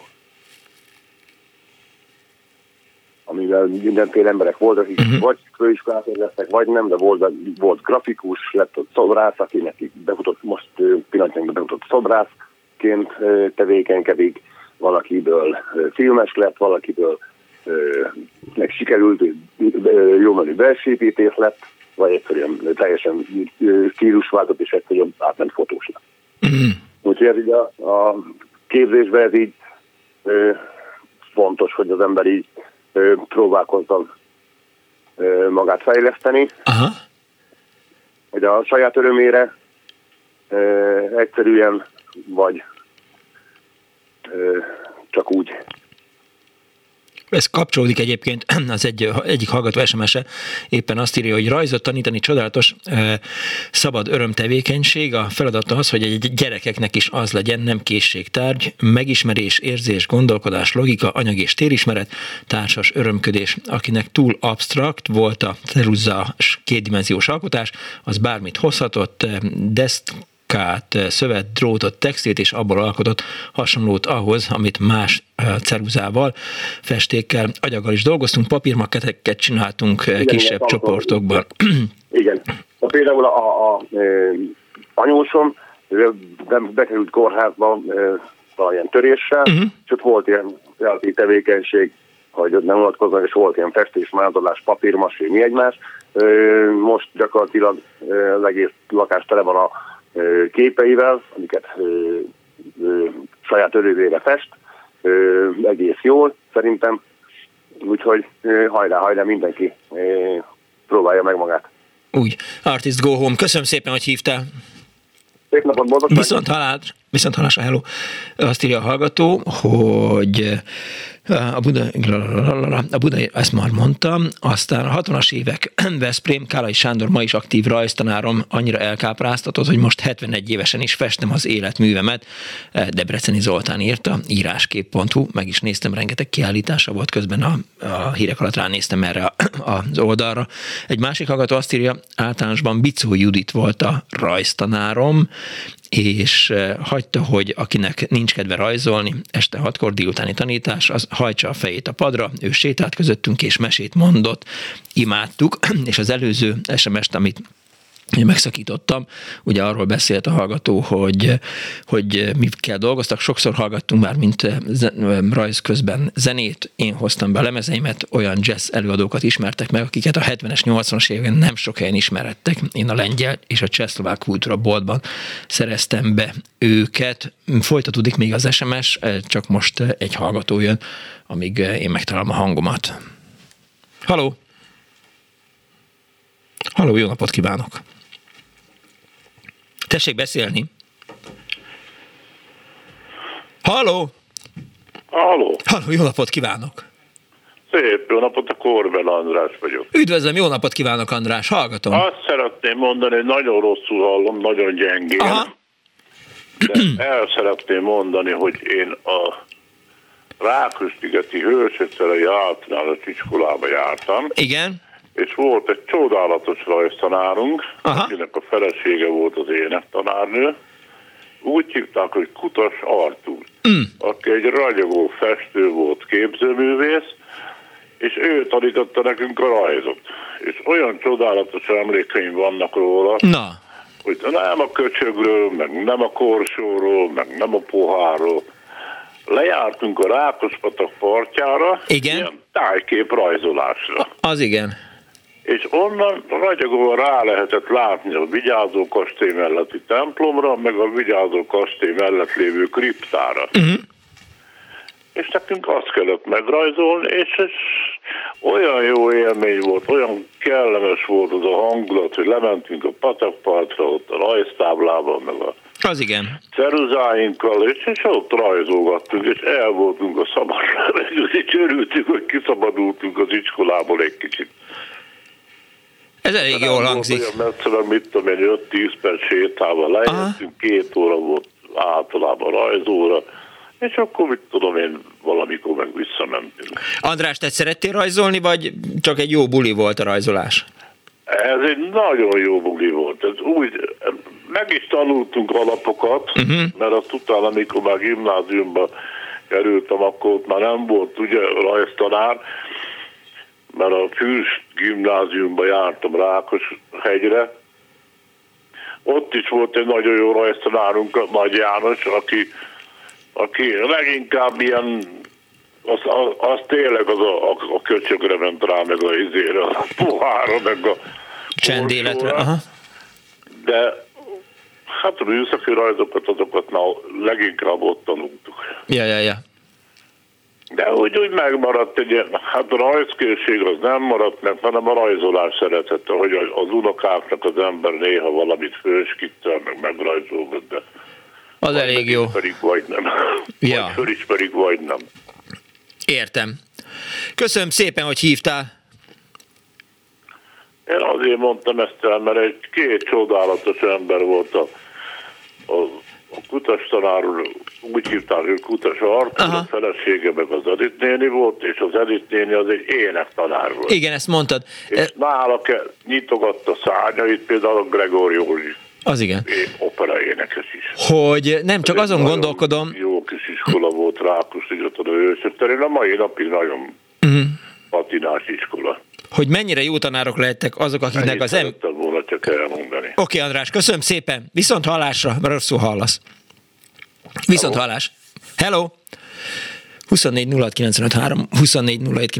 Azt szerettem volna elmondani, hogy, hogy mennyire jó tanárok lehettek azok, akiknek így emlékszik az ember a, a nevére. Be kell vallanom, hogy én nagyon kevés tanárom nevére emlékszem. Nyilván a, az orosz tanárra, az osztályfőnökömre emlékszem, emlékszem talán az általános iskolai tanáromra, de például azt nem tudnám megmondani, hogy kitanított nekünk rajzot.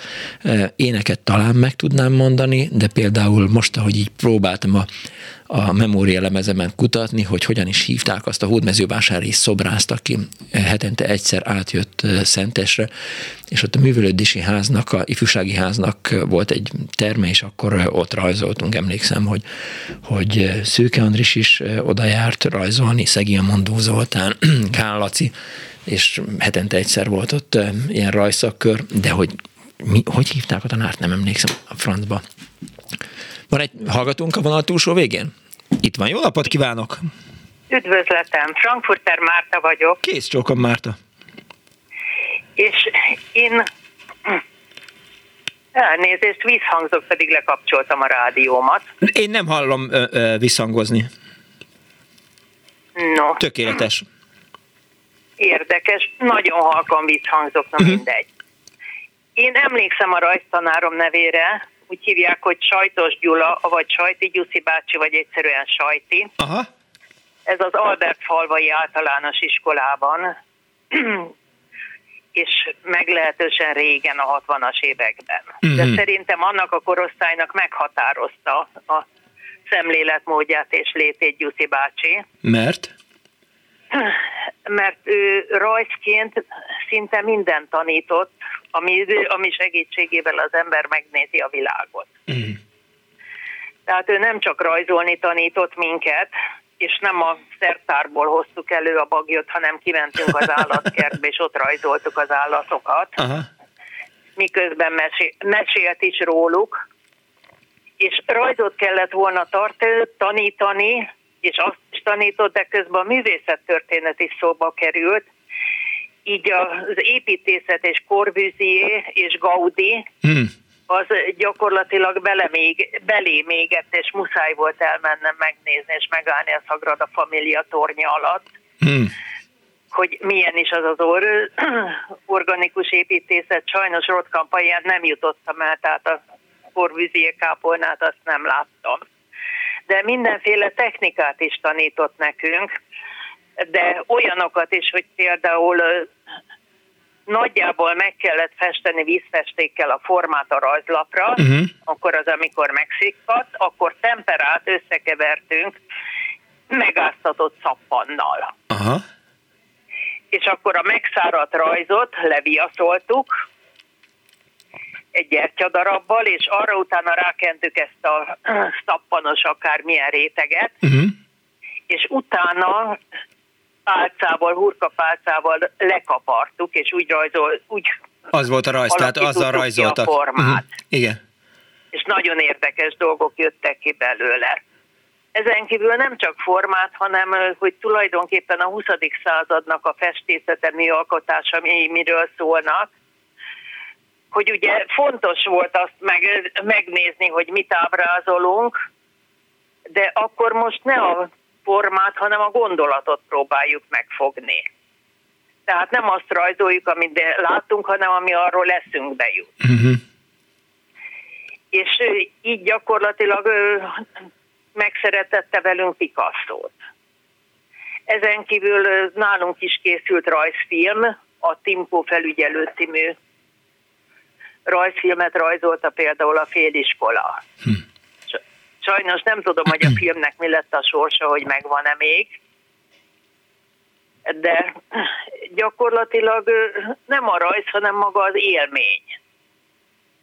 És nálam ez odáig folyt, hogy az utána is az állatokat nagyon szerettem rajzolni, és orvosként dolgoztam a hajléktalan ellátásba, ahol viszont Granasztói Szilvia egy művészettanár tartott foglalkozásokat. Uh-huh. És oda én is lekeveredtem, és Szilvia megtisztelt engem a barátságával. És így aztán elkerültem az állatkertbe, és foglalkozásokra laikus segítőként. És életem legnagyobb képzőművészeti eredménye az, hogy sajnos nem tudtam elmenni, mert nem volt, aki helyembe álljon, és akkor már vidéken dolgoztam. Uh-huh de mint grafikus voltam meghívva az állatkert 150 éves évfordulójának az ünnepségére. A szép elismerés. Tehát nekem, nekem ennyi jutott belőle, és azóta is nagyon szeretek rajzolni, és állatokat pedig különösen. Milyen gyakran rajzolsz? Ahányszor unatkozom. Ez lehet, hogy hetente egyszer, kétszer, lehet, hogy naponta többször. Előveszel egy vázlatfüzetet, vagy, vagy szalvét a szélére valamit?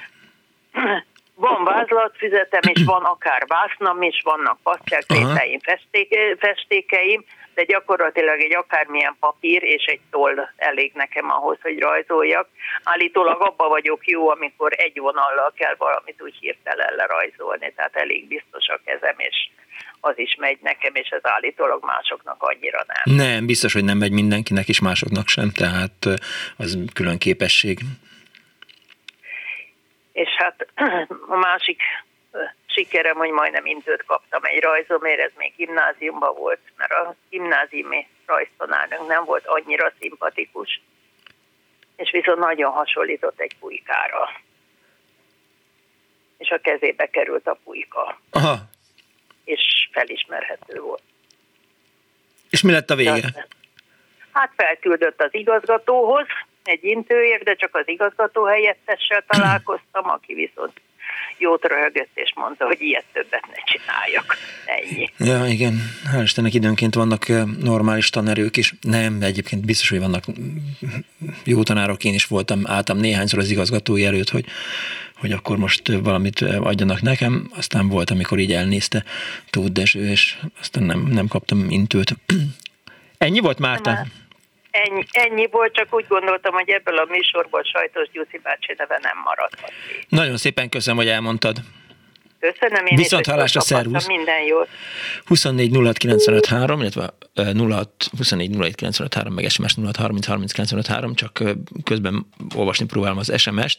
Ugye az előző SMS folytatása kiáltásokra jártunk, ahol a legnagyobb élmény a sima nagy terek bemozgása, érdekes fényviszonyok felfedezése. Én ezt hagytam, ez is a szabadság aktív aktív, hát gondolom átélésére ír a gondol a hallgató, amelyre minden gyerek képes. A legizgalmasabb számomra a teremőrökkel való purparlék. Nagyon sokszor megkaptam, hogy miért nem fegyelmezek, és erre a válaszom az volt, hogy a szuverén fiatal értelmiségi megmutatta a gyerekeknek Hát szerintem is a teremőrnénikkel vigyázni kell. Egy másik hallgató azt írja, szeretem rajzolni, de látta, hogy biológiával nagyon jó vagyok, mivel nagyon hátrányos helyzetű voltam, benevezett egy rajzversenyre, és személyesen segített megfesteni, és megnyertük, azóta is szívesen rajzok, de akkor döntöttem el, hogy orvos leszek, az lettem. Üdv, dr. Zarándok Mónika írta ezt a hosszú SMS-t. Egy hallgató van a vonal túlsó végén. Jó napot kívánok! Jó napot, Rádi László vagyok. Üdvözlöm, László. A Lisznyai általános iskolában végeztem 84-be, és ott volt egy nagyon jó fej, ilyen rajztanárnőnk, Györgyi néninek hívták, és nagyon jó fej volt, laza volt, uh-huh. és azt tetszett nekünk, hogy mindig volt, a, ez a művészetörténetesen volt egy ilyen ága a rajzoláknak is, hogy és azért volt izgalmas, mert a nagy élményen is átírásra tudtam mesélni ezeket a korai római kori, meg görög ilyen alkotásokat, és akkor még diákat is hozott be, akkor vetétert, szóval annyira vizuálisan is egy, egy van élményeket tudott nekünk nyújtani, hogy, hogy, hogy tényleg hogy mai napig így megkezdték ezeket, amiket tanított. És ami a jófejségéhez, egy, vagy volt egy jó ilyen sztori, amikor volt egy ilyen humoros osztálytársunk, Apáti Szabó Gábornak hívták, de appinnek beszéltük. Uh-huh. És volt egy olyan feladat, hogy középen valaki leült egy ilyen székre, és, és mi meg körbeültük, és mindenkinek a saját látószögéből kellett lerajzolni a, a, a tárgyat, vagy úgymond az embert. Aha. és, és mindenkinek alá kellett írni, hogy ki volt a készítője, és akkor ő meg elkezdte kiértékelni a rajzokat, és akkor mindenkinek így ment végig a rajzokon, mm. értékelték, és akkor felolvasta, hogy az egyik rajzot, hogy készítette a jó öreg a sokan mindenki de hál' Istennek itt nem lett ebből nagy poén, mert általában azért a kommunizmusban szigorúság volt, meg nem lehetett csak így beírni, hogy így rosszalkodni, de uh-huh. ő is ilyen lazány kezelt a dolgot, és akkor teljes pokerharcol ment ez a dolog. És valami érdekes volt még, hogy benevezett engem valamilyen, hát egy iskolai versenyre, de nem tudom, hogy ez hogy jött, hogy durmázni is kellett a feladatok között. Nem tudom, hogy nektek volt ilyen, hogy hogy a rajzórán ez plusz mellék, vagy... Gyurmázni Nézd, kellett szerintem. Gyurmázni kellett. Volt egy alapfeladat, hogy nem csak rajzolni kellett Igen. az iskolai házi versenyen, hanem gyurmából kellett alkotni valami tetszés szerinti dolgot. Nem emlékszel ilyesmi nektek? De, vagy, vagy csak... de biztos, hogy volt gyurmázás, hát azt így meg kellett vásárolni, és emlékszem, hogy Hát én azt hiszem, hogy az volt a bajom a rajzórákkal, hogy, hogy mindig azzal kezdték, hogy akkor felszerelés ellenőrzés. Megvan-e a, a, a vízfesték, megvan-e a rajztábla, van-e e, ceruza, van-e zsírkréta, mondom ez a piros és uh-huh. kék vastag zsírkréta, ez így nagyon megmaradt benne, ja, ja, ja, de biztos, hogy a plastilin, tehát a gyurma is kellett, és biztos, hogy, hogy volt gyurmával gyakorlat.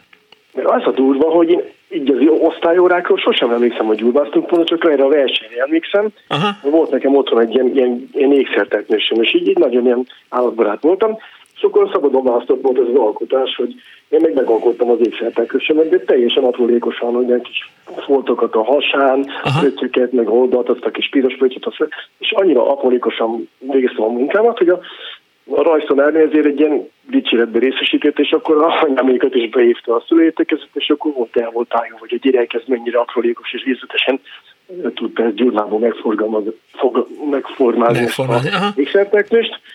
És, és hát igazából hát ez egy tök jó sikerélmény volt így ilyen szempontból, hogy de hát nem is akarom folytatni nagyon tovább így a vagy legyen más De, az, de nem, az tök, tök jó, hogy, izé, hogy volt sikerélményed a rajzon. Hát igen, igen, igen. Ennyi volt, igen. Köszönöm szépen, hogy hívtál. Viszont hallásra. Viszont hallásra, szervusz. Ugye még azzal folytatta Szabi az üzenetet, a Miskolci zenész barátom öccse, aki még kiskorában a próbahelyen mutogatta nekem a rajzaimat, ma DLA, doktor képzőmész, mármint DLA minősítés, az doktorral azonos. Hollandiában fut is most két kiállítás, meg Budapesten a Magyar Nemzeti Galéria utolsó kortárs képe a kiállításban, Kassák Lajos és hasonló nasság között az övé, Bagykó Robi, és most derült ki egy éve, hogy ugyanaz volt a rajztanárunk mindkettőnknek. Köszönet szépen, ugye itt már beszéltünk Hóman György Györgyről, Gyuri bácsiról arra utalt vissza ez az üzenet. Halló, jó napot kívánok! Halló! Jó napot kívánok! Kikapcsolja a rádióját? Igen. Kösz, kösz, kösz! No, akkor a 80-as évek és a Körösi Gimnázium orosz tagozatos iskola, de ez most mellékes. Aha. Én úgy nem nagyon tudtam rajzolni, vagy most se tudok, nem is ez az érdekes, hanem volt egy nagyon jó rajztanárunk, de maga a történet az a biológia tanárral Na. kapcsolatos, aki szerintem a legrosszabb tanár volt a gimnáziumban. Nem volt túl népszerű, és már nem tudom milyen órán ültünk, és egyszer csak bejött nagy dérrel durral az osztályterembe, talán volt vele az igazgató vagy valaki, uh-huh. és elkezdte mondani, hogy hát egy kegyeletsértő büntén történt. A biológia szertárból, ugye az az ő első területe, eltűnt a csontváznak a koponyája. Uh-huh. És mint kiderült, ez nem műanyag csontváz volt, hanem egy igazi csontváz, uh-huh. és hát voltak csibészek az iskolában, voltak mondhatni kriminálisba hajló hegyedek a tanulók közt, és biztos ők voltak, és ez hát nem így mondta, hogy hullagyalázás, de kegyeltsértő. Tehát ha valaki biztos elvitték és szórakoznak uh-huh. és kifestik, de akármit csinálnak a koponyával, és rendőrség és stb. És hogy mindenki döbbenten ült, hogy miért, hát gondolom végigjárt az összes osztályt, tehát nem volt sok, nyolc osztály volt uh-huh. az egész gimnáziumban, nagyon, nagyon, nagyon téma lett ez a, a gimiben, és utána kiderült, hogy a mi rajztanárunk a zombi tanár úr, aki egyébként a képzőművészeti főiskolára ment tovább, és hát onnét visszajárt még. Ő mhm. a rajz szakkör, vagy a tehetséges gyerekek számára, hát úgymond kölcsönkérte ezt a koponyát. Aha, ez normális. rajz céljára, és nem szólt a biológia tanárnak, tehát nem volt szó kegyeletsértő hullagyalázásról, hanem az egyik tanár hát kicsit figyelmetlen volt. Igen, igen, a, igen a, a kommunikáció hiányáról szólt elsősorban ez a történet, nem hullagyalázásról. Hát ez, egy, ez egy érdekesség, uh-huh. mert egyébként nagyon jó rajztanár volt, meg művészettörténetet is tanított, de az én rajz készségemen nem lehetett sófolni, szerintem egy ottányit sem. Zavart ez téged? Frusztrált? Nem, hát hetente vagy két hetente volt egy ö, rajzóránk, mert amúgy mondtak, mi jóba voltunk, uh-huh. sőt, tehát osztálytalálkozókra meg is szoktuk hívni, amire vagy eljön, vagy nem. Ha nem jön el, akkor pedig fényképet szokott küldeni, mert akkor is, sőt már 70-es évektől kezdve fényképezett, diázott, egy Zombori Béla, csak zombi volt a beceneve, tehát ő és elég nagy katalógusa lehet, mert most a Facebookon több csoportban is posztol, és akkor hát olyan fényképeket küldött nekünk valamelyik osztálytalálkozóra a 80-as évek végéről, amire uh-huh. is emlékeztünk, hogy nem tudott eljönni, de hát ezzel meglepett bennünket. Egy igen nagy tudású és kiváló ember, aki egyébként ott, ott is végzett ebben a gimibe, ott is tanított meg, aztán visszajárt a, a főiskolára, de hát ez a koponyarablás az úgy megmaradt bennem. Jól tetted, hogy felelevenítetted ezt az emléket. Köszönöm szépen. Oké. Okay. Viszont halás, hello. Azt írja Misi a Viberem, Szabolcsi kisfaluban sok jó tanárom volt, Farkas Anna rajztanárnő és festőnő hetedikben a rajzommal szaladgált a kollégáinak megmutatni, hogy milyen ügyesen rajzoltam le a saját kezemet, majd balagáskor kivett a sorból, és adott egy gyönyörű könyvet, és megfogadtatta velem, hogy soha nem hagyom abba a rajzolást. Sajnos abba hagytam, ha valaki tud róla valamit, kérem ossza meg velem, írta Misi a Viberen. Halló, jó napot kívánok! Jó napot kívánok! Kész csók! Vonalban vagyok már? Adásban tetszik lenni. Igen, a Harasztis Fenédeske felesége vagyok. Kész csókom, És arról szeretnék beszélni, hogy annak idejében, 1944-ben Kispesten a Komjáti Vanyárka volt az ő tanára. Aha rajztanára, aki egy ilyen nagyon neves részkarcművész volt, valami királyi gyűrűvel is ki volt tüntetve, uh-huh. és az óráin, a rajzóráin folyamatosan saját magát önarcképeket rajzolt. Aha. És ez, ebből nekünk van egy minta, egy darab, és a gyűjteményünknek egy nagyon neves darabja. Rajta is van, hogy Komjáti 44, uh-huh. Mhm. január 4 és, és Kispest. Csak ezt akartam elmondani, hogy, hogy egy nagyon neves rajztanára volt, és hát ketten voltak az osztályban az úgynevezett legjobb rajzolók. De aztán utána sokáig édeskezt nem folytatta, majd csak később 60-ba kezdett járni a Désibe a, a Gráber Margithoz, és aztán hát a szobrászatot jóval később Laporc Ferencnél folytatta.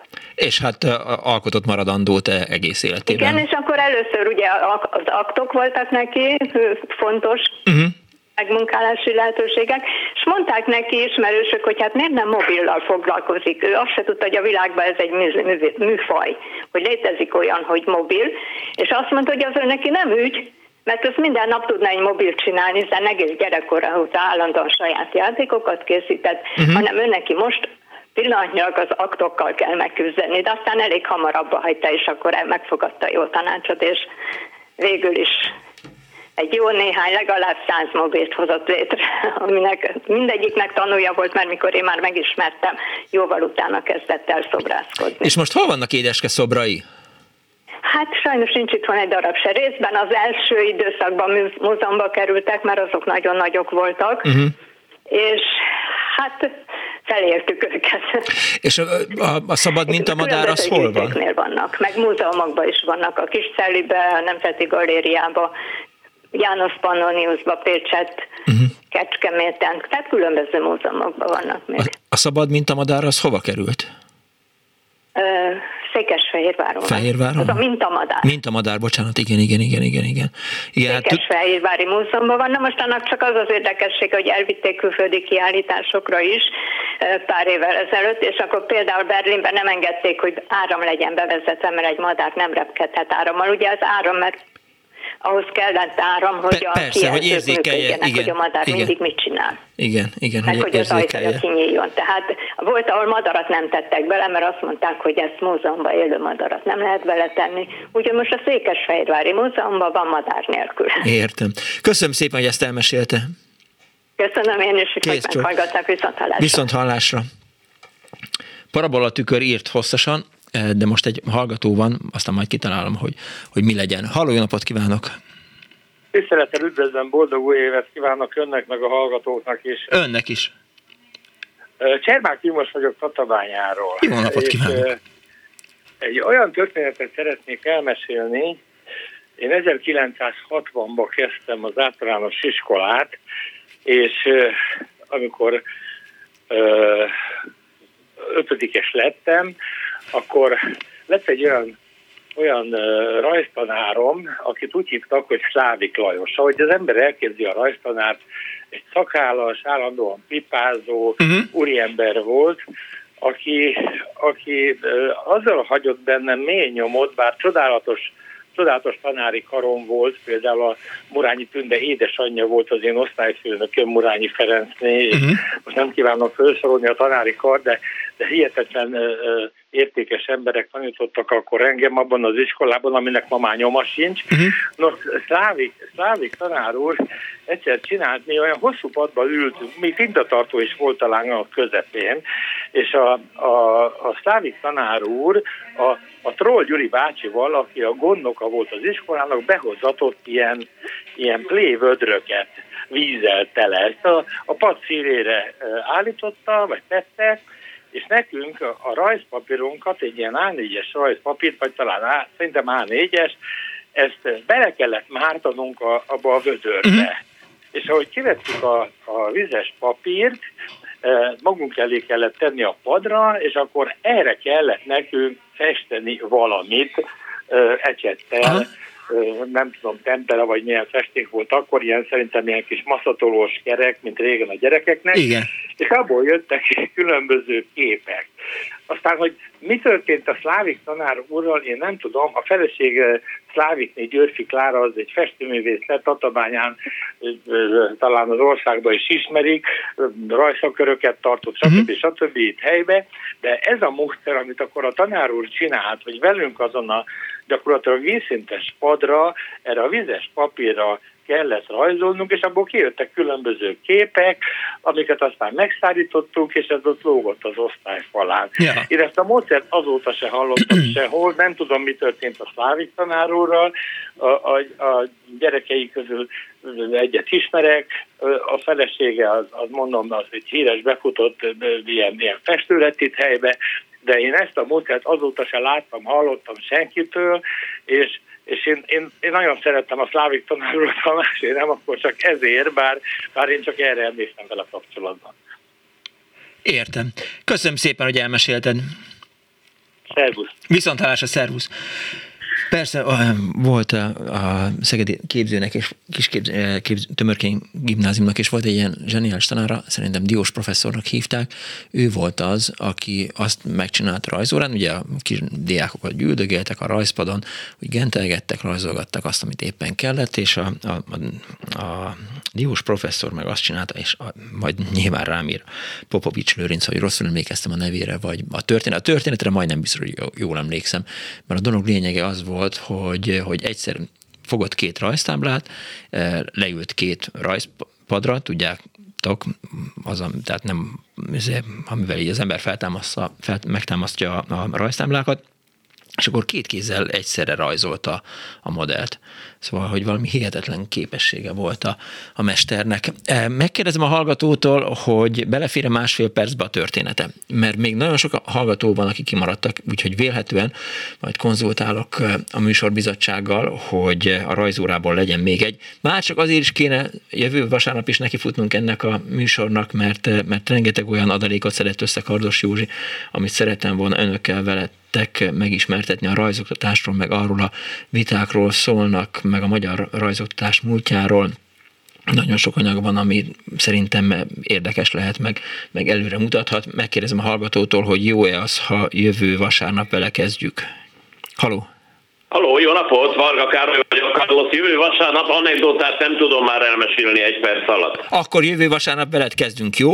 60-as évekből még ott akkor voltam gimnáziumi tanuló, és egy Royce Vilmos nevű festőművész volt a tanárunk, a nevét legalább örökítsük meg. De jövő vasárnap meg elmondjuk az egészet. Reméljük, hogy még találkozunk akkor. Hello! Oké, okay, köszi, hello! Még egy SMS, eh, azt írja a hallgató, hogy eh, hello, csak a nevét szeretném megörökíteni a rajztanárunknak. Royce Vilmas soproni származású festőművész volt, és ábrázoló geometriát is tanított nekünk a 60-as években jártam gimnáziumunkba, illetve azt írja egy hallgató, hogy én is eh, Lisznyai Györgyi néni 60-68 egy rajzomat megdicsérte, Tokió olimpia bármit lehetett, én meg lelátók rajta, reklám Japán, aztán álltam kitalált jelekkel, az első és utolsó dicséretem. Még egy utáltam korcsolyázni, kb. 5 hatodikos korban, de a sport hatodik esés után ott hagytam. Szép Mészeti Múzeum elvarázsolt. A vihartól megvadult eh, ló, és eh, később erről is írtam egy tanulmányt Györgyi néninek, írta egy hallgató SMS-ben. A mai műsor szerkesztője Árva Brigitta volt, a gombfényesítő kemény Dániel, a telefonokat Kismária fogadta, a videót Pánikás Huan készítette, és Kardos Józsi nagyon jó cikkeket mondom, jövő héten azért nem úszátok meg, hogy felolvassak belőle, mert tök jó volt. Én Punksnoded Miklós voltam, köszönöm szépen megtisztelő figyelmeket, meg aktivitásukat. Egy hét múlva találkozunk. Give peace a chance, Putyin rohagy meg. Véhallás.